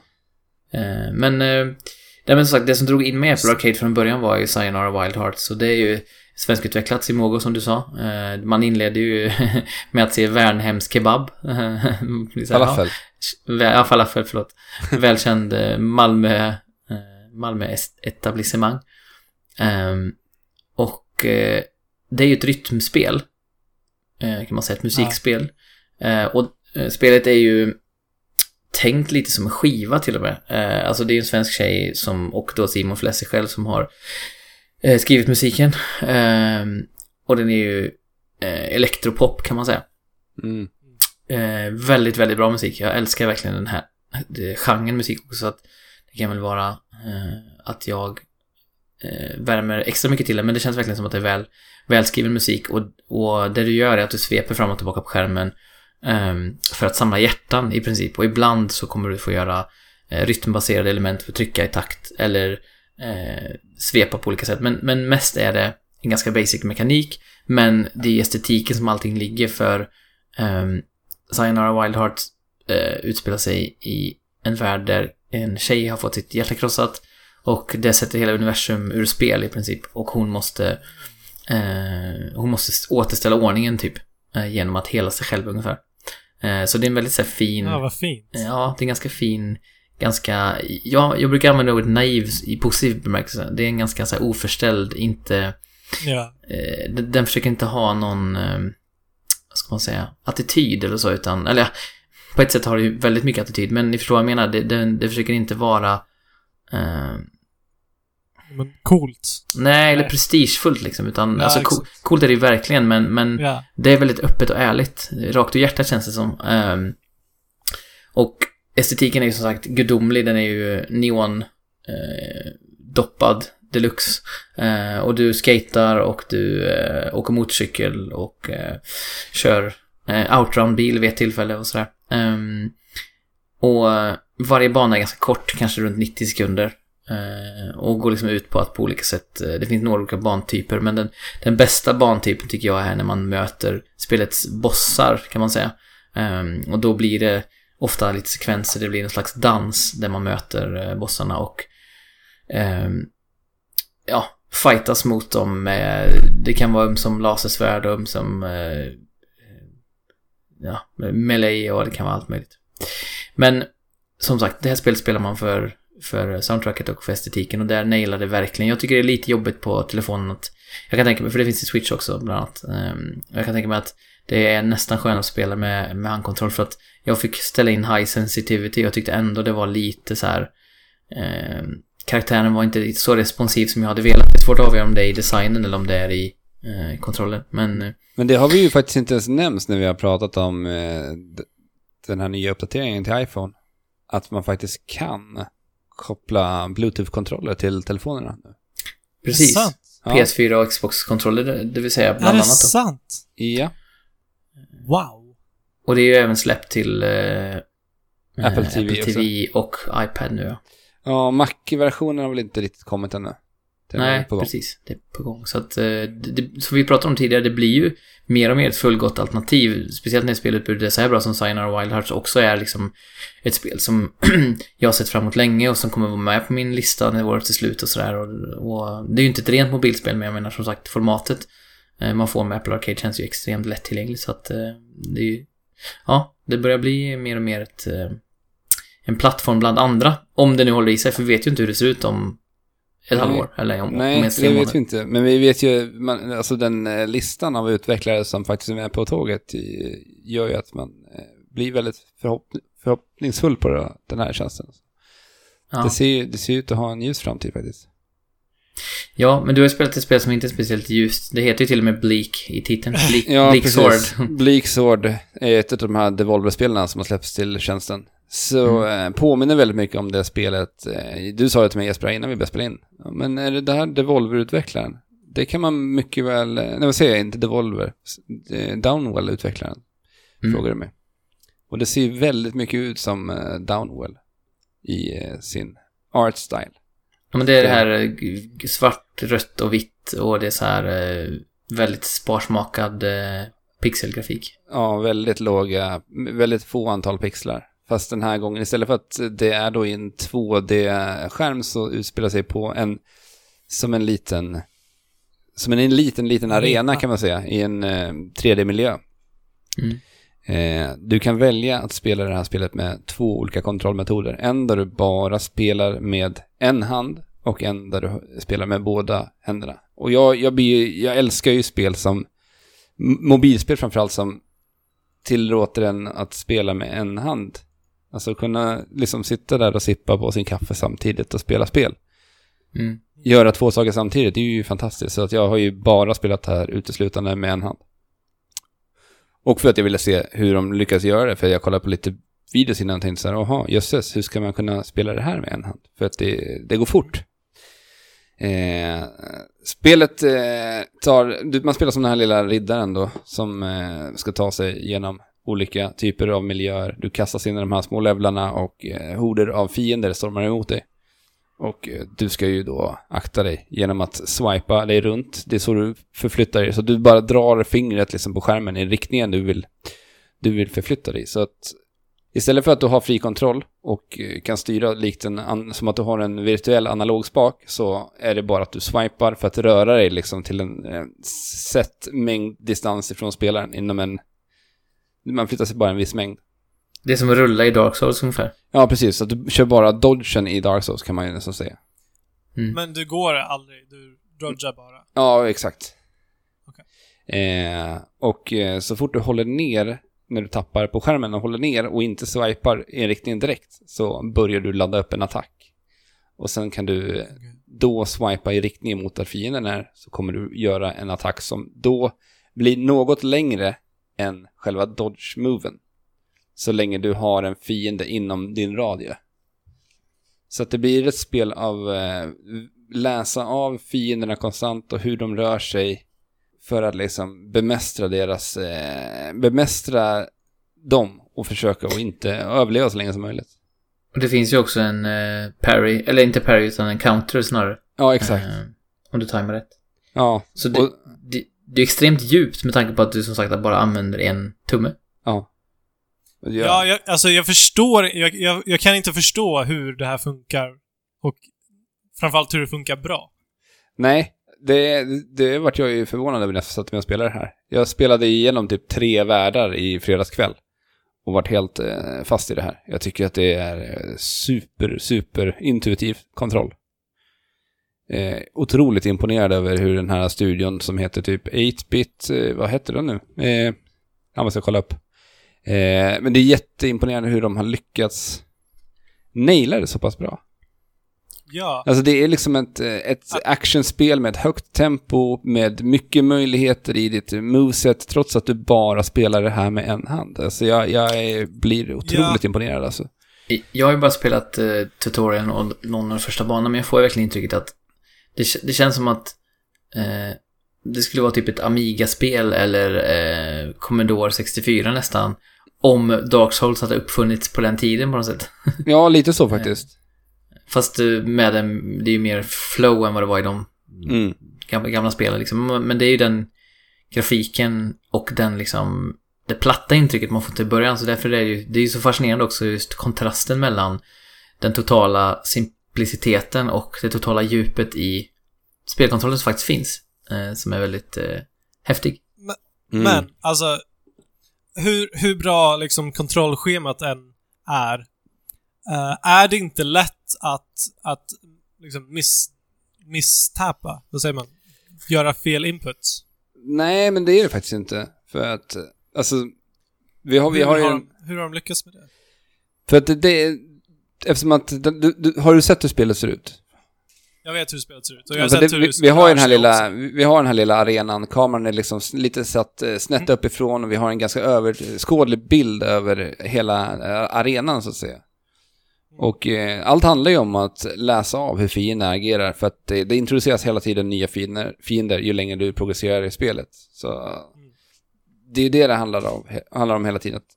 Hela tiden läsa av dem och därför blir det inte att du gör så mycket fel utan du, du lär dig när du ska attackera, hur du ska attackera. Och det är väl där eh, Dark Souls-aspekten kommer in. Att, Vad sa du? ja, och alla inputs är så pass distinkta att du inte råkar eh, rulla in i fienden istället för bort från fienden. Ja, det, ja men det är det verkligen. Ja, alltså den, det har jag, problemet har jag aldrig haft. Och eh, likaså med attackfunktionen tycker jag är eh, också så eh, perfekt designad. För att du måste hålla in den där, eh, alltså tummen på skärmen en viss Ja. stund innan du börjar aktivera uppladdningen av attacken. Men det funkar, ja, det funkar skitbra. Imponerande. Mm, det här är ett spel jag kan rekommendera alla. Och eh, jag var ju lite avskräckt från början att spela det här spelet för att jag har lite svårt för... Eh, man kan ha lite svårt för den här typen av grafik. Men eh, spela det här ni, ni som har Apple Arcade. Superbra spel. Och det är så lätt också att bara ta sig an en bana lite här och var. För att de här levlarna är liksom två, tre minuter max, om ens det. Vissa går jättefort att ta sig igenom. Det, det, låter, det låter lite som att nu börjar utvecklare bemästra mediet också. Ja, sp- Alltså det, det kanske har varit så för en lång, lång, lång tid. Bara alltså, det att vi inte har spelat om spelen, men Spel på mobiltelefon, ja. ja. Mm. Eh, studion, ja det är faktiskt en snubbe som har gjort det här spelet. En, han kallar sig för More 8-bit, en spansk utvecklare som har gjort det här helt själv. Det är Coolt. superhäftigt alltså.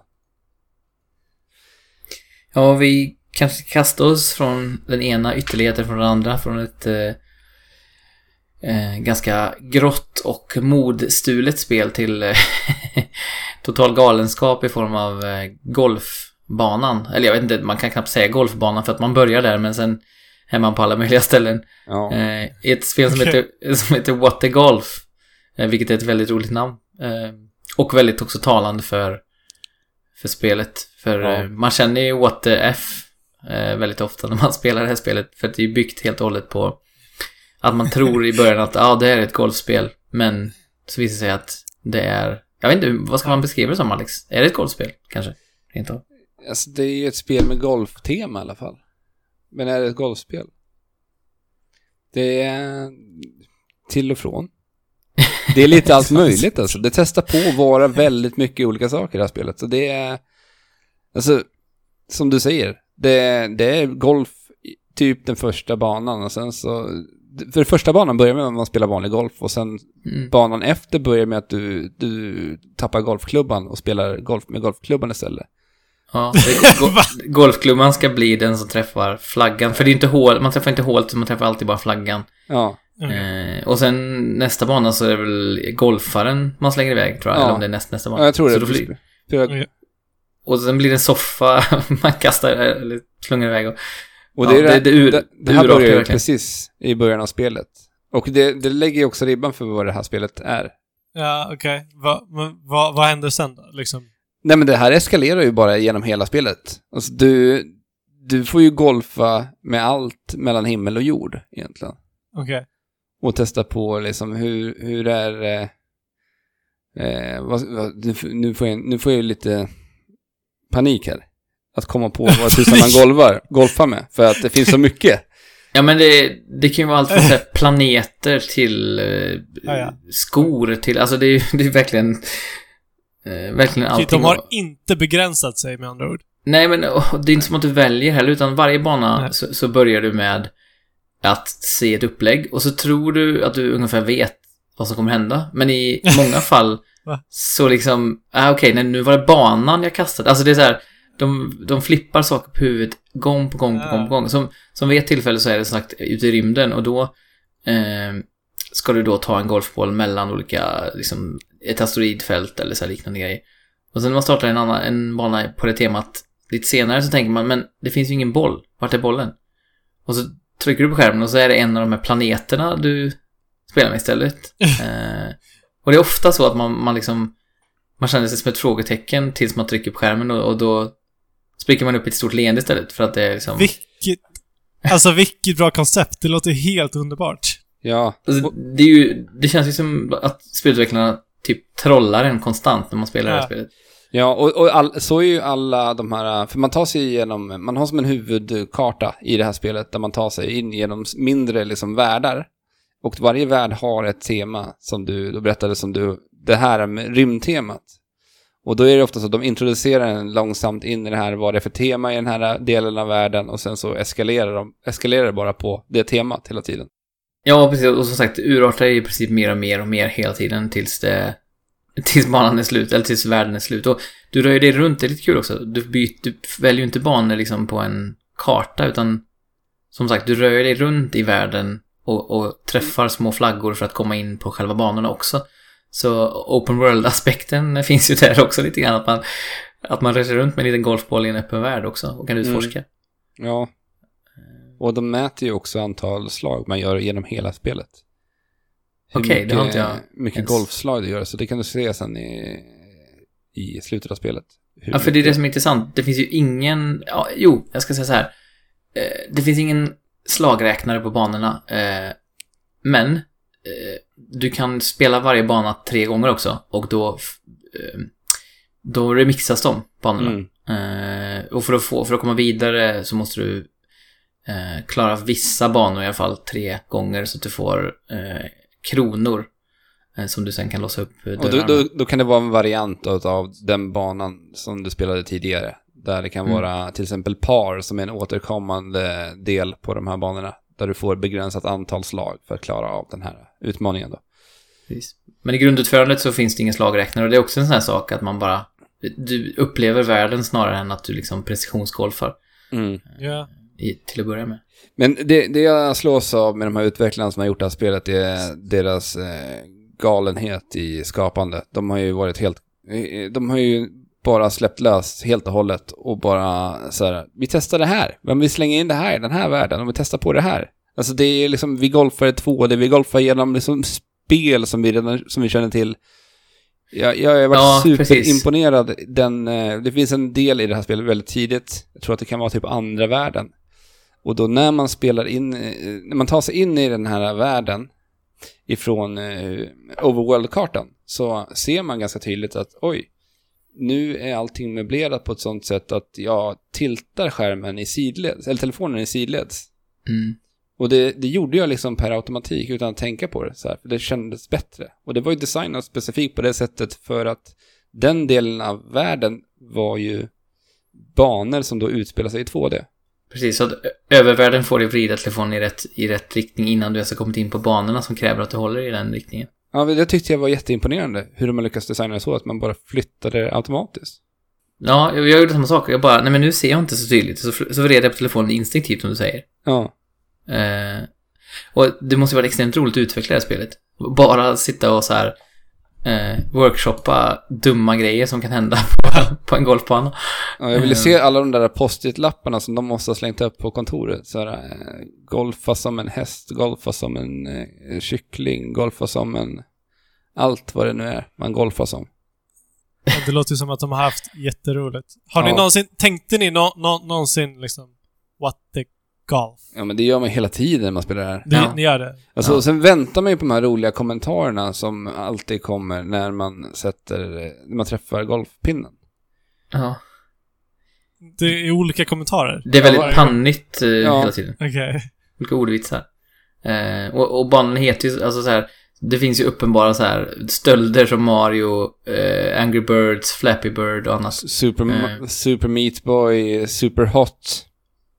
Ja, och då Ja. heter de ju saker som refererar till eh, ja men så här Flappy Birdie he, står det ju en gång när man slår liksom ett slag. Och Birdie är liksom att man slår ett under par i golf för er som inte... Ah, ja. Mm. Eh, och det är mycket så här referenser hela tiden. Det känns nästan på gränsen i de banorna att, de, att det liksom är varumärkes eh, infringement. Så. Men det känns som det är så punkigt hela spelet så det känns som att det passar in även där.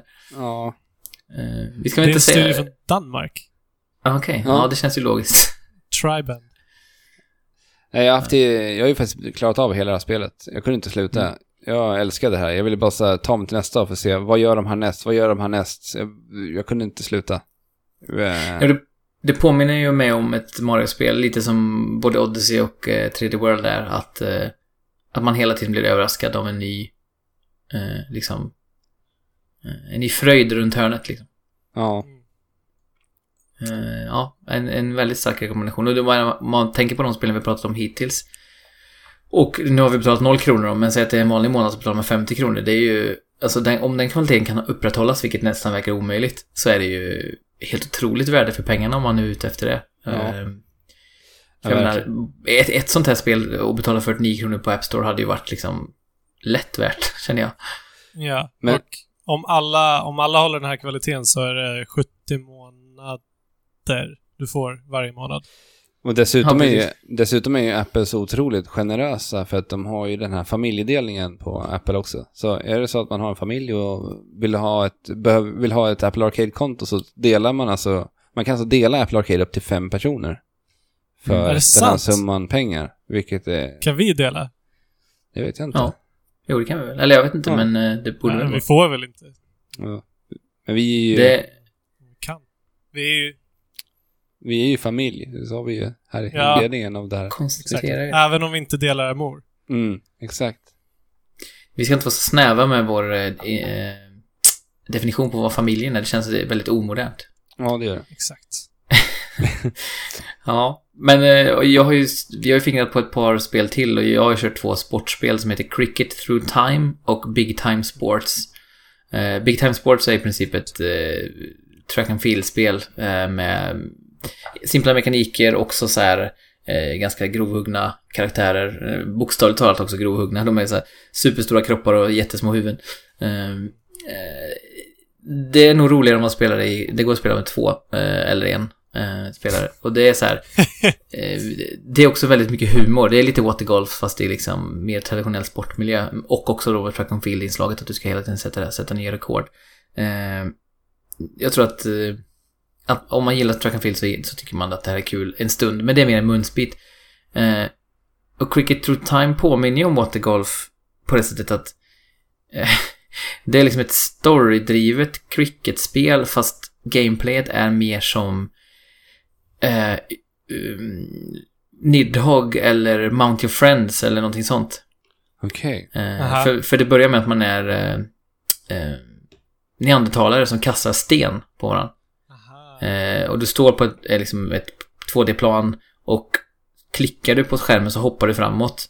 Och håller du in skärmen så börjar du liksom winda upp för ett kast och släpper du så, så kastar han. Och han vevar armen hela tiden, eller den karaktären vevar armen hela tiden runt. Så att det gäller att tajma ungefär som ett diskuskast i gamla spel, eller i, i friidrottsspel överhuvudtaget.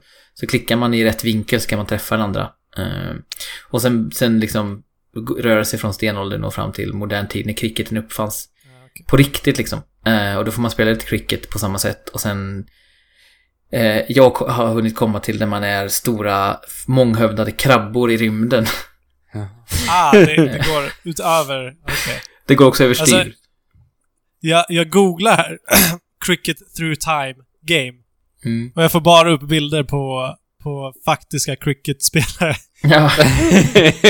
det är lite motsatsen mot Churches då. Eh, exakt. Eh, och även, alltså, jag vet inte, vad, vad kan jag googla på? Cricket through time.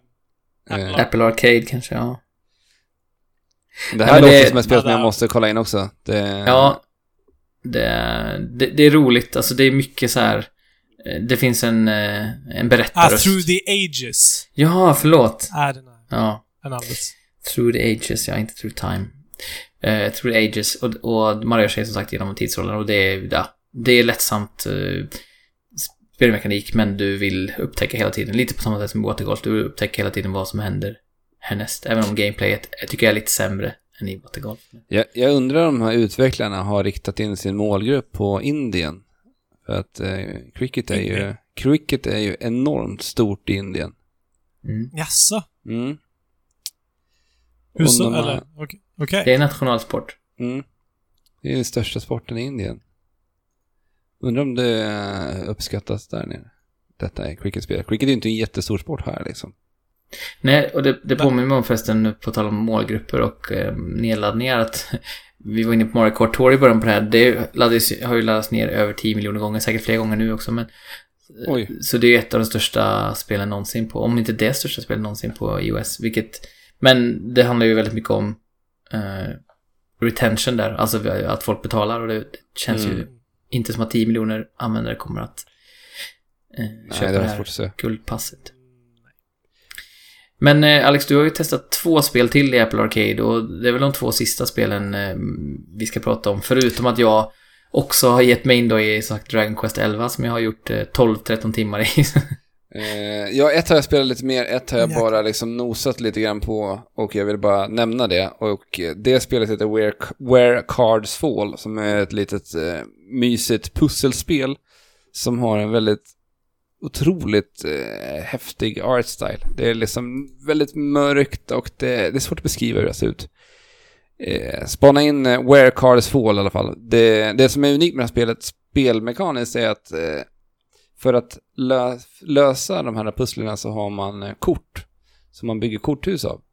Så genom Okej. att eh, plocka upp en korthög på den här kartan kan du flytta runt den och genom att göra det, vet den här zoom-funktionen man gör på telefonen så vecklar du ut den här korthus, kort, kortna och bygger ett korthus av. Och det här ska du använda dig av för att navigera en karaktär genom olika levlar. Och det är superduper stämningsfullt verkligen. Eh, kommer att spela mer av det här framöver. Eh, men vill bara nämna det sådär. Jag fick lite mm, 1980X-vibbar av det. Eh, storyn och så, att det är någon slags uppväxthistoria, förstår jag det som. Eh, har inte kommit jättelångt i det här. Jag har bara spelat de eh, två första banorna i stort sett. Mm. Men eh, det verkar väldigt lovande och eh, lika sådär eh, högt produktionsvärde och ser, ser ut att vara en eh, riktigt trevlig, ett riktigt trevligt spel. Men det andra spelet är ifrån eh, Monument Valley-utvecklarna. Och det, det, ins, det insåg jag, det här var ett av de, det sista, senaste spelet jag spelade. För att jag, det gick lite förbi eh, mina ögon. Och sen så insåg jag, men det här är ju Monument Valley-utvecklarna. Monument Valley är ju ett av de bästa mobilspel som någonsin har gjorts. Tycker jag. Ja. Ja, och det här spelet heter Assemble with Så. Care. Eh, och du får eh, följa med eh, Maria som jobbar som restaurerare. Hon eh, lagar gamla apparater. Och eh, man får följa med henne när hon reser till Bella Riva och får lära känna en familj där. Som, eh, där de behöver hjälp med att laga sina apparater. Och alla de här uppdragen inleds med att en liten berättelse om hur hon lär känna de här karaktärerna. Och eh, sen leds det in till att de behöver hjälp med att laga en specifik eh, pryl. Eh, och eh, det är jättemysig liksom, tagning på visual novel-grejen. Det är ingen, ingen spelgenre som jag liksom vanligtvis brukar dras till. Med tanke på, mest för att det liksom är mängder av text hela tiden. Och det är ingenting som Okej. jag direkt dras till i spel. Men när man har den här lätta Ja. inramningen där man får en liten kort berättelse, sen får man göra någonting och sen blir det en återkoppling till den här berättelsen efter att man har liksom lagat den här prylen. Det, det funkar jättebra Ja. och eh, de lyckas få mig bli otroligt indragen i den här eh, känslosamma berättelsen som berättas mellan Maria och den här familjen. Det ser verkligen urmysigt ut. Ja, det Jag bara, men, men jag, jag vet inte. eh, Det är ju alltid kul att bygga saker och Mm, framförallt få någonting att fun fungera. Här, här får vi ju en, eh, en apparat som, som... eh, Eller hur funkar det? Vi får en apparat som tas isär i alla dess beståndsdelar ja, precis. Eh, nej, men eh, när du då har fått den här lilla berättelsen så presenteras då den här prylen som du ska laga. Och eh, sen går du då in i spelläget i det här spelet. Och det kan vara att du ska laga en radio. Och Ja. då får du några verktyg framför dig. En eh, skruvmejsel är ju bra. Så då får du börja med att här, trycka upp det du ska, den du ska skruva isär. Plocka upp skruvmejseln, rotera, skruva ut skruvarna. Plocka isär delarna och hitta saken som det är fel på i apparaten. Och sen få byta ut det, skruva ihop den och testa om den funkar. Funkar inte får du skruva upp den igen. Så att det, det är väldigt så här lättsamt och härligt spel att bara sitta och mysa med. Det är verkligen ett annorlunda spel. Ja men det är det verkligen. Som, som verkar så väldigt tillfredsställande. Jag har ju inte testat det, men... Men det är verkligen tillfredsställande, för det är som du säger, så här, skruva isär saker och, och testa, alltså så här, bygga och skruva isär, det är ju tillfredsställande. Mm. Och, och de lyckas ju naila den biten verkligen i det här spelet också. Det känns ju som ett eh, optimalt höstspel också, krypa upp i soffan med en kopp te och eh, Ja. Ja men verkligen. bygga ihop lite grejer. Laga, laga en kamera. Mm. Så här tycker jag att ni båda ska kolla in alltså. Det är supermysigt. Ja, och nu har vi ju då nämnt åtminstone fem eller sex spel som vi verkligen tycker om på den här tjänsten. Så att eh, det det har väl framgått med all tydlighet redan i det här avsnittet. Men, men alltså, har ni en eh, iPhone eller en iPad eller en Apple TV eh, eller så småningom då en, en Mac-dator så testa i alla fall en månad. Det är som sagt, Mm. ni förlorar ingenting på det, det är gratis och det finns väldigt många timmar att få njuta av eh, på, på den här tjänsten. Jag, jag är så Det tagen här över känns att... ju som ett måste. Och Nej. också... eh, Jag menar, om det, här, om det här växer och blir större så... Jag, jag har alltid tänkt, jag har haft min iPhone i typ fyra år nu. Men jag har alltid tänkt att nästa gång så ska jag inte skaffa en iPhone. Men om det här är bra så är det liksom... Det är ju det är klart att man ska ha en iPhone. Om, speciellt om det inte kommer något motsvarande Mm. eh, som håller samma höga kvalitet på Android. Mm. De har ju utannonserat eh, Det är en tjänst för Android också. Ja, de har det. Eh, Mm. vil- vilka de? Android? Eh, ja, vi ska se här. Uh, ska se vad den heter nu när vi... Eh, eh, eh, Jag tyckte det så, kändes så oväntat bara att den här tjänsten skulle komma ifrån just Apple, som, som inte har haft det fokuset på spel. Mhm. Att de kommer att göra den här tjänsten som jag liksom har blivit helt uppslukad i den senaste veckan. mm. Och bara den saken som vi nämnde där i förbifarten, att du faktiskt kan koppla handkontroll till, nu, Ja. till eh, telefonen och till Apple TVn och spela det med handkontroll. Det får ju en att önska att företagen nu börjar släppa mobilskal med liksom, faktiska knappar på. Ja, För, för det är ju fullt möjligt nu. ja, exakt.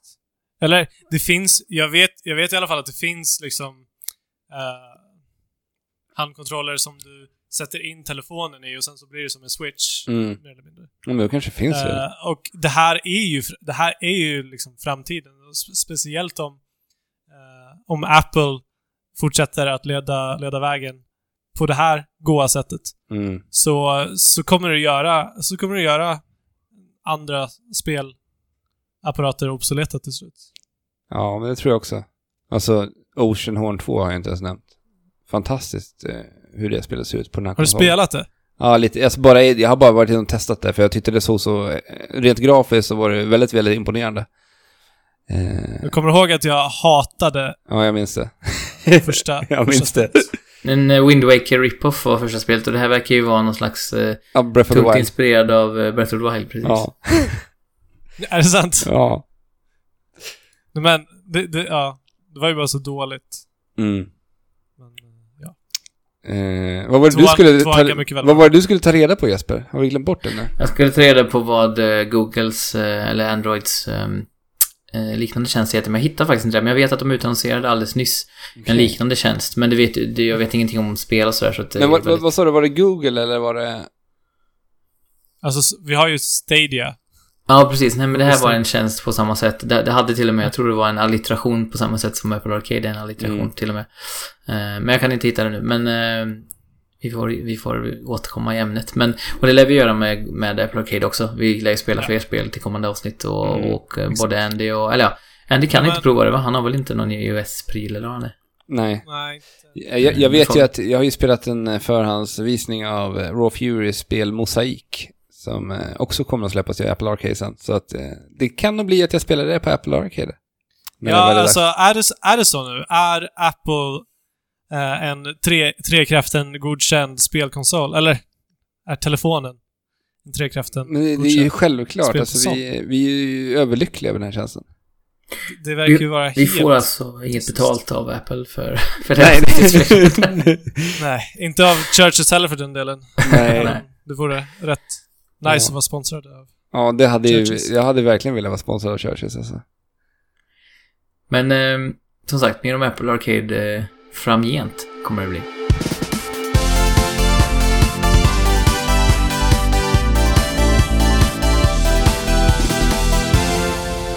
Nu är det dags för Dragon Age på Switch.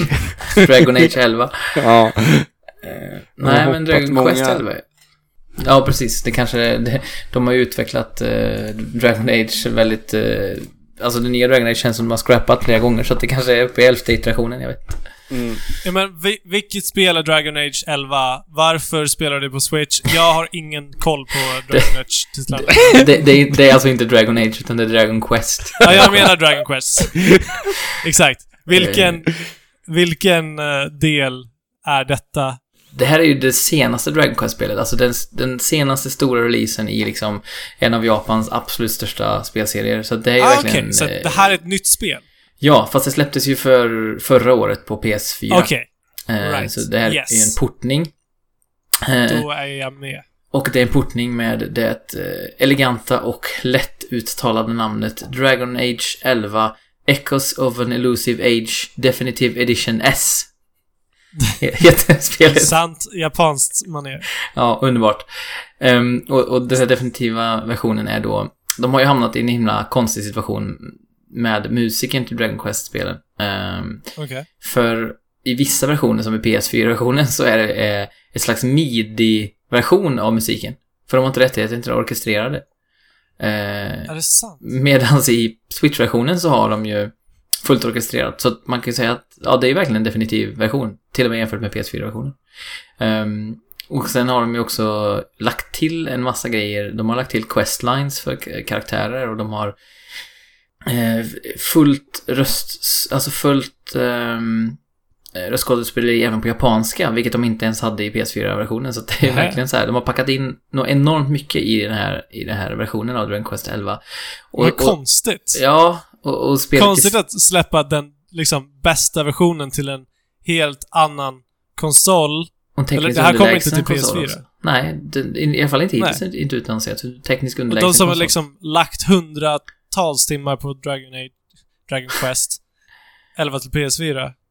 Och nu kommer det här och de går miste om en massa saker. Ja, det är märkligt. Men, men eh, överhuvudtaget, alltså Dragon Quest 11 är så extremt späckat med innehåll.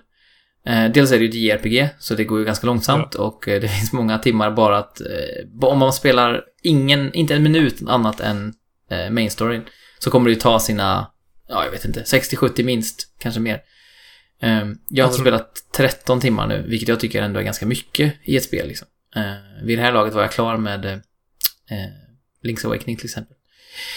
Eh, men jag har ju bara kommit i början, början av spelet. Jag har ju låst upp de flesta mekanikerna och sådär, vad jag förstår i alla fall. Men det är ju så att förutom huvudspelet eh, som har mycket att bidra till sig så finns det även eh, du besöker eh, tidigare Dragon Quest-spel eh, alltså ikoniska platser. Nu har jag ingen relation till det eftersom det är det här första Dragon Quest-spelet jag spelar ordentligt. Men ikoniska platser från tidigare spel eh, Jaha. och då är det även så att de, för man ställa till rätta saker som har hänt i dåtid.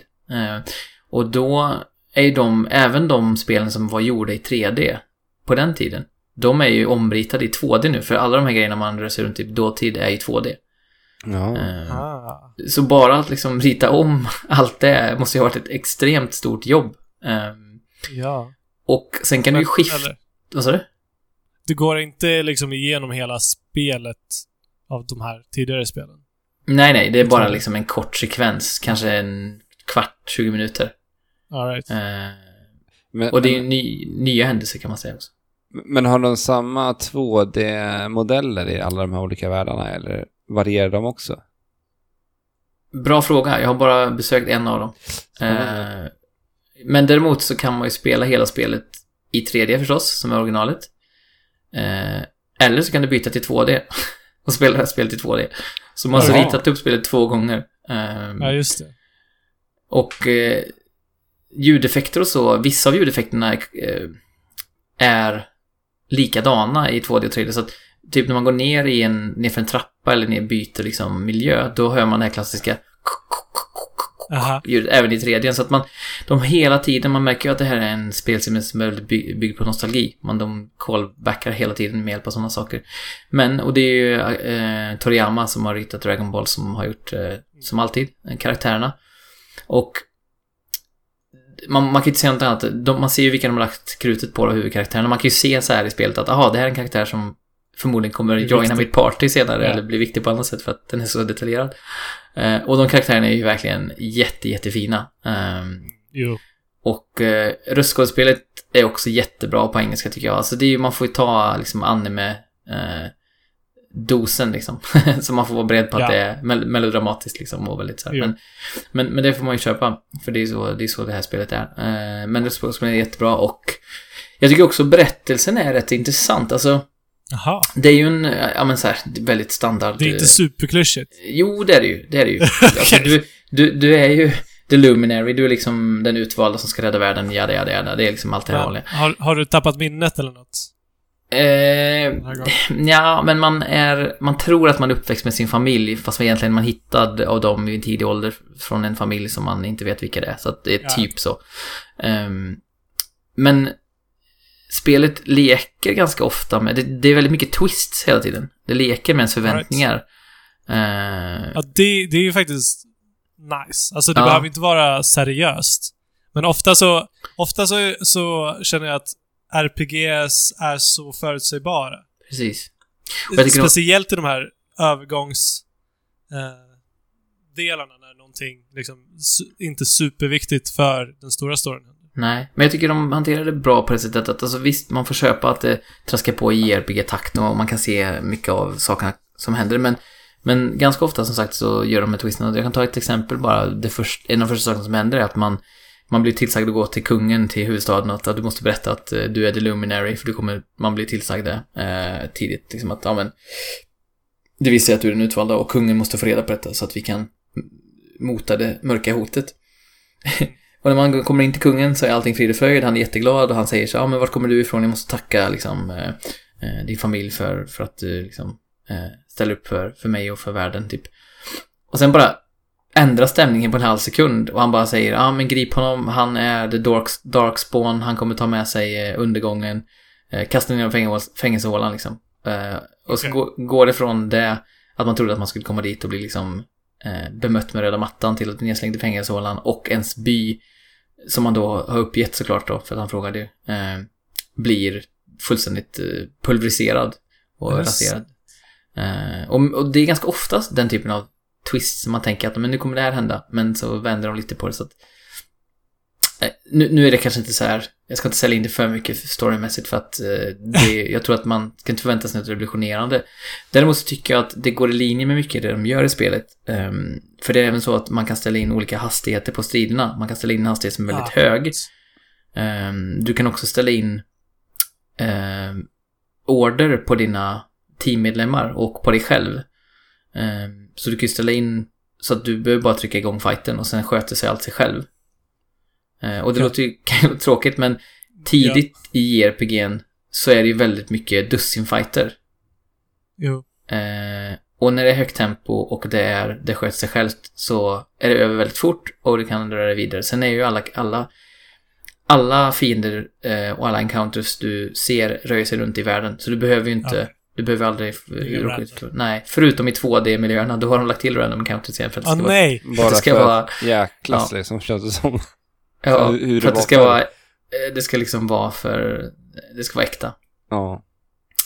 Men, eh, ja, som sagt, 13 timmar in, eh, musiken och eh, liksom det allmänna myset, som som sagt karaktärsdesignen på, på mina huvudkaraktärer är ju underbar. Det är ju verkligen så här högsta, högsta produktionsvärde. Eh, som sagt, inte minst den orke- orkestrerade musiken, det är eh, en Tokyo-orkester som, som bistår med musiken. Och eh, jag vill ju, jag har hamnat i det här eh, sagomysläget, ni vet, som man gjorde framförallt mycket förr i tiden med JRPGs eller Ja. JRPGs överlag.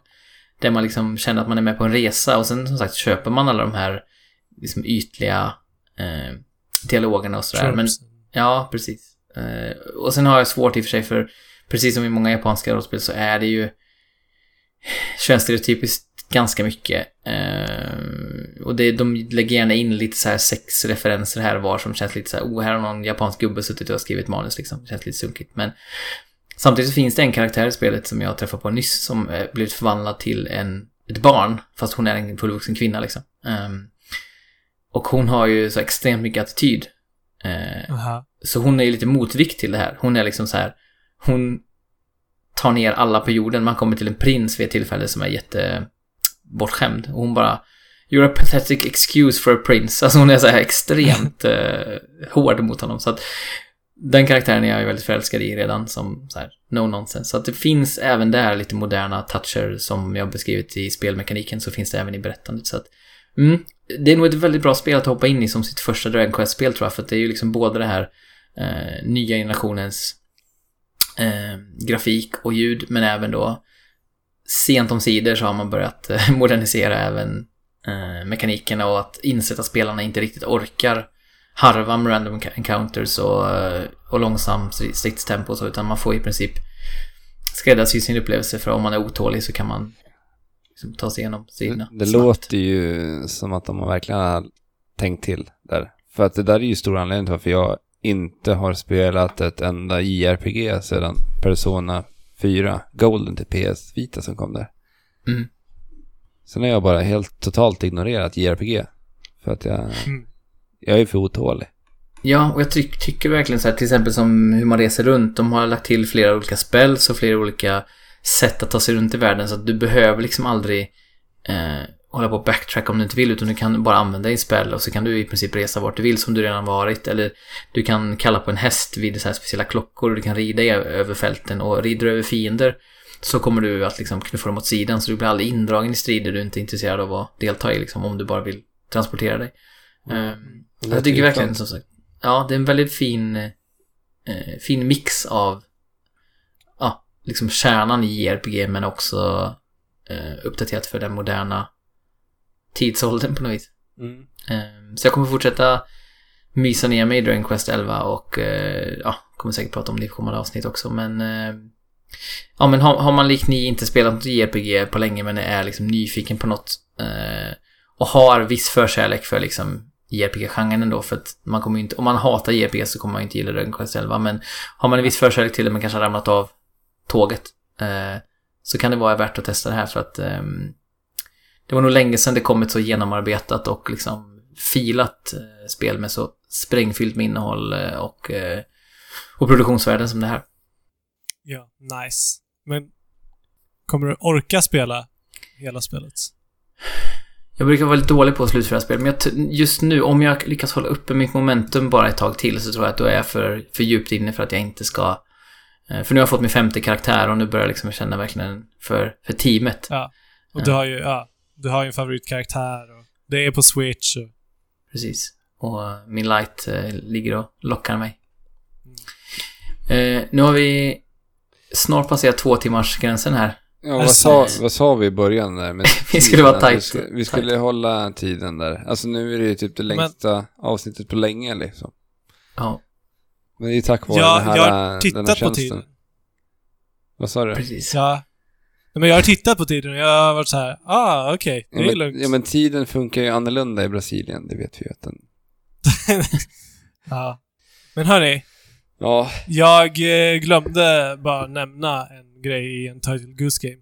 Och eh, nu när Andrew ändå är och klipper. ja. Så har han ju klippt bort allt det andra du har sagt. Och du... Ja, det kanske han har. Ja. Men eh, jag sa ju ingenting om musiken överhuvudtaget i en Title Ghost Game. Nej, så då säger vi åt honom att spela lite utav Untitled Goose Game-musiken här medan Fabian pratar. Ja. Och det... Jag vet inte. eh, jag läste på Wikipedia att det, det bara är... Musiken är tagen från eh, Claude Debussy. Uh, känner inte till denna kompositör, men han har skrivit väldigt mycket musik. Det, det är bara piano. Det, det låter typ lite som uh, stuntfilms piano. Stuntfilm eller stumfilm? För du sa stunt. Stumfilm. Du sa stuntfilm. Sa jag stuntfilm? Jag menade stumfilm, naturligtvis. Det hade varit väldigt opassande med pianomusik till en stuntfilm. ja. Men... eh, Kanske eh, skulle här funka också piano, Det skulle nog kunna funka. För att de... Alltså, de här pianopassagerna eh, verkar ju för att det ska, att, ska, ska stressa dig liksom. Så att... Eh, men på något sätt så funkar, så funkar det här liksom söm, sömlöst att när någon liksom är lite irriterad på dig, blir irriterad på dig, så kommer några ta, piano... Några pianotoner. Nu har jag en katt väldigt, väldigt högt här. Ja, det är min, min, min katt Mippi håller ju på så fort klockan har blivit lite, så, runt 11 tiden så börjar han sjunga opera. Okej. Ja, Untitled Cat Game. ja Ja. så att Ah. det är det han gör. Det är väl vår cue för att wrappa upp dagens avsnitt kanske då, men... ehm, Ja, Nej, men låt mig... Det, ja, det, det är jättebra. Alltså, det, det är en jätteviktig grej, del i spelet. eh, hur musiken funkar. Eh, och ju mer du blir jagad, desto mer eh, liksom frenetisk och stressande blir de här pianopassagerna. Mm. Som, som, bi, som bidrar till liksom hur hela spelet känns och hur... Och det känns lite så här knasigt, som om du faktiskt skulle vara en gås. Jag vet inte om... Huruvida... Yes hör pianopassager när de blir jagade. det gör de definitivt. I alla fall en härlig... eh, en härlig inramning av, av spelet och en, ett fantastiskt sätt att bygga stress på. Mm. Men eh, det känns ju kanske lite som eh, Untitled Goose Game och spelet som nu fick ett datum under State of Play här. Playstations Direct, eller vad man kallar det. Eh, nämligen Wattam är lite, ja, det känns som de är av samma skrotkorn lite. Ja, ex, ja. Det är mycket Alltså- spel på det temat vi har pratat om i hela det här avsnittet. Alltså, Untitled Goose Game, eh, What the Golf, eh, Cricket Through Time. ja. Och nu Wattam då, som har, det har ju Men- visats upp i flera år egentligen. eh, Och man har aldrig riktigt fått något grepp om vad det är och när det släpps och så. Nej. Ja, det, det verkar vara ett spel om att hitta sina kompisar. Precis, och hålla varandra i hand och Ja. ta sig till en bomb som smäller alla eller typ eh, hoppa ner i en toalett. Alltså det, det är fortfarande precis. väldigt Jag- oklart vad Jag det har är. inte riktigt fattat vad det är, men vi har massa objekt och konstiga eh, gubbar som är väldigt glada och vill hålla handen med sina eh, objekt som de hör hemma med. Eller håller alla händer med varandra? Jag vet inte riktigt. Ja, men det är Det ju, känns lite som att bajset håller, håller hand med toaletten. Och den är jätteglad. det, det är någon slags eh, memory-spel i 3D. Ja. Men, eh, men det, det är ju Keita Takahashi som är skapare av eh, Katamari, bland annat. Mhm. Och Nobi, Nobi Boy nämnde det också. Ehm, och det, det, man får ju verkligen den vibben rakt igenom. Musiken är ju... Skulle nästan kunna hämta ur ett Katamari-spel tycker jag. Ehm, och bara det faktum att han är, står bakom spelet och att det ser bananas ut gör ju att jag är såld Ja. redan. Ehm, och jag tror att vi alla i redaktionen kände så, eller i alla fall kände att vi var så väldigt nyfikna på spelet när vi såg det nu igen här och fick, det fick ett datum. Det, jag blev, alltså, jag var på väg att säga, det var nog det mest intressanta på den här State of Play. Ja, men det tycker Mm. jag också. Alltså det, jag, jag gillar ju tack. när saker, är, när saker är konstigt, när jag inte riktigt förstår det. Och Ja. när det ser knäppt ut. Och Ja. det, det här, det här är, ser jag verkligen jättemycket fram emot. Alltså. Och det kontrasterar ju väldigt mycket mot The Last of Us Part 2 som var en, den liksom mainstream big deal-grejen. Det var ju det som flest pratade om i övrigt. Men jag har ju inget intresse av det. Jag vet att det kanske finns bland er, men jag är ju verkligen inte intresserad av The Last Alltså- of Us eh, Part 2. Jag har varit väldigt intresserad av The Last of Us Part 2. eh, för att, för att de, de sa på någon E3 eller vad det var, om det var Playstation Experience, eh, att där Last of Us, första Last of Us handlar om kärlek så ska det här handla om hat. Mm. Men nu i den här State of Play så fick vi reda på hur, hur storyn är uppbyggd i det här spelet, i Last of Us Part 2. Vilket gjorde mig ganska besviken, för att det, det alltså, jag vet ju att Naughty Dog kommer vara mästerliga och bygga eh, fantastiska historier, men det känns bara tråkigt att de håller, att de startar spelet och framförallt visar oss spelet när det startar med en väldigt liksom uttjatad trope. Det är någon, hennes, eh, vad heter hon? Um, Ellie? Ellies flickvän som blir mördad av några andra människor och sen så hatar hon dem och alla ska dö liksom. Det känns ju väldigt, Det som du säger, det känns ju väldigt och- eh, okreativt. Ja, exakt. Exakt.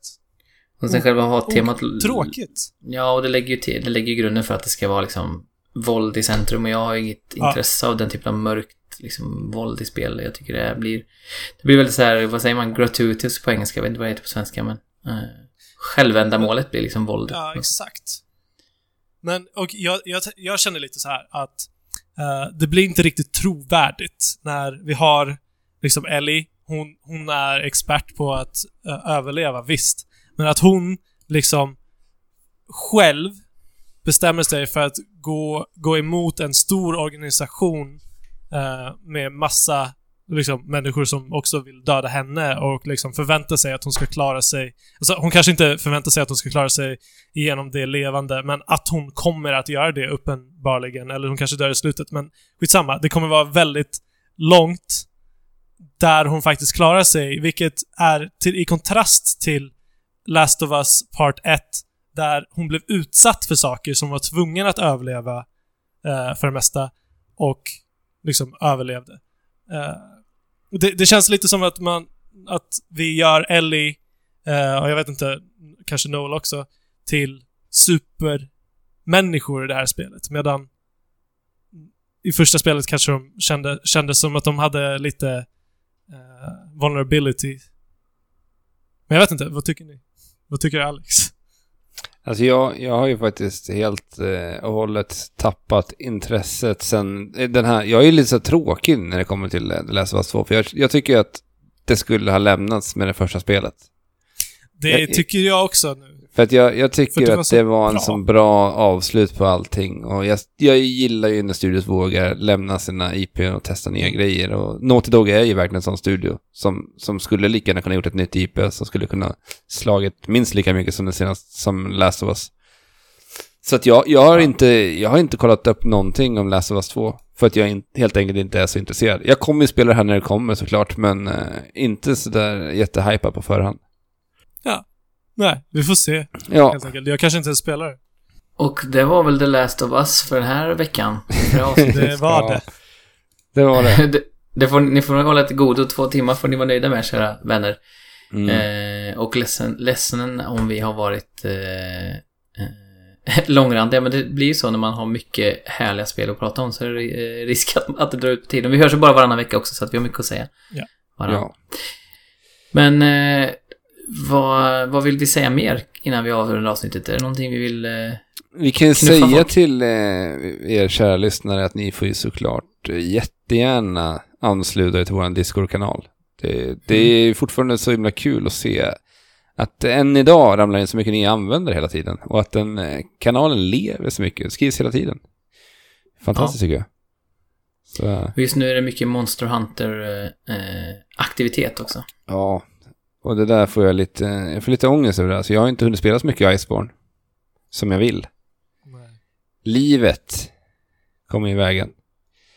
Onödigt. Ja, alltså... Alltså jag... Det är så mycket FOMO. Ah. Eller alltså...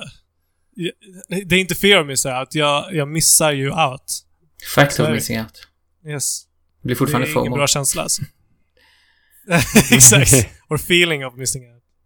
Men eh, vi kanske... ehm, Faktiskt. Eftersom att vi alla tre, i alla fall vi, eh, har missat tåget lite så kanske vi får bara så här låtsas om att tiden inte går och så får vi träffas och spela eh, typ i jul eller någonting får vi träffas och spela Iceborne och så får vi Ja, det får tillsammans. vi, Ja. ja, det får vi göra. Jul.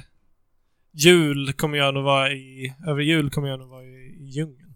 Mm, Det det är den perfekta platsen att spela på. Mm, det är Köp du- en PS4.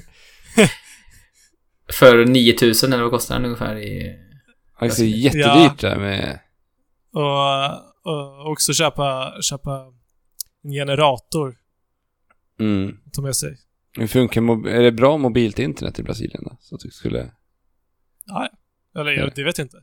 Mm. Det, det är ju väldigt stor skillnad på att vara i Sao Paulo och vara i Amazonas. Ja, det är klart. Men det är väl bra också, du kan ju lajva Monster Hunter och bli bättre på spelet genom att testa de sakerna Det- IRL. Det är sant. Mm. Det är sant så, ja. Vi får se om, eh, om eh, det blir något av det eller om jag hinner få gås dessförinnan. Mm. ja. Ja. Då, på din gravsten så kommer det stå Untitled Human Unt- Person. Human person. Stupid. Idiots person. Mm. Men hörni, Yes. ehm, tack så mycket för den här, eh, det här avsnittet. Hörni. Ja, men tack själv. Och eh, vi hörs eh, om ett par veckor igen. Vi kanske hörs lite emellan också. Förhoppningsvis. Men eh, till alla, alla lyssnare där ute så Precis. säger vi till Så. om två veckor. Om ni inte ansluter till Discord då kanske vi hörs lite tidigare än det, men... annars, spela på. Och... 谢，修了，吼 oh.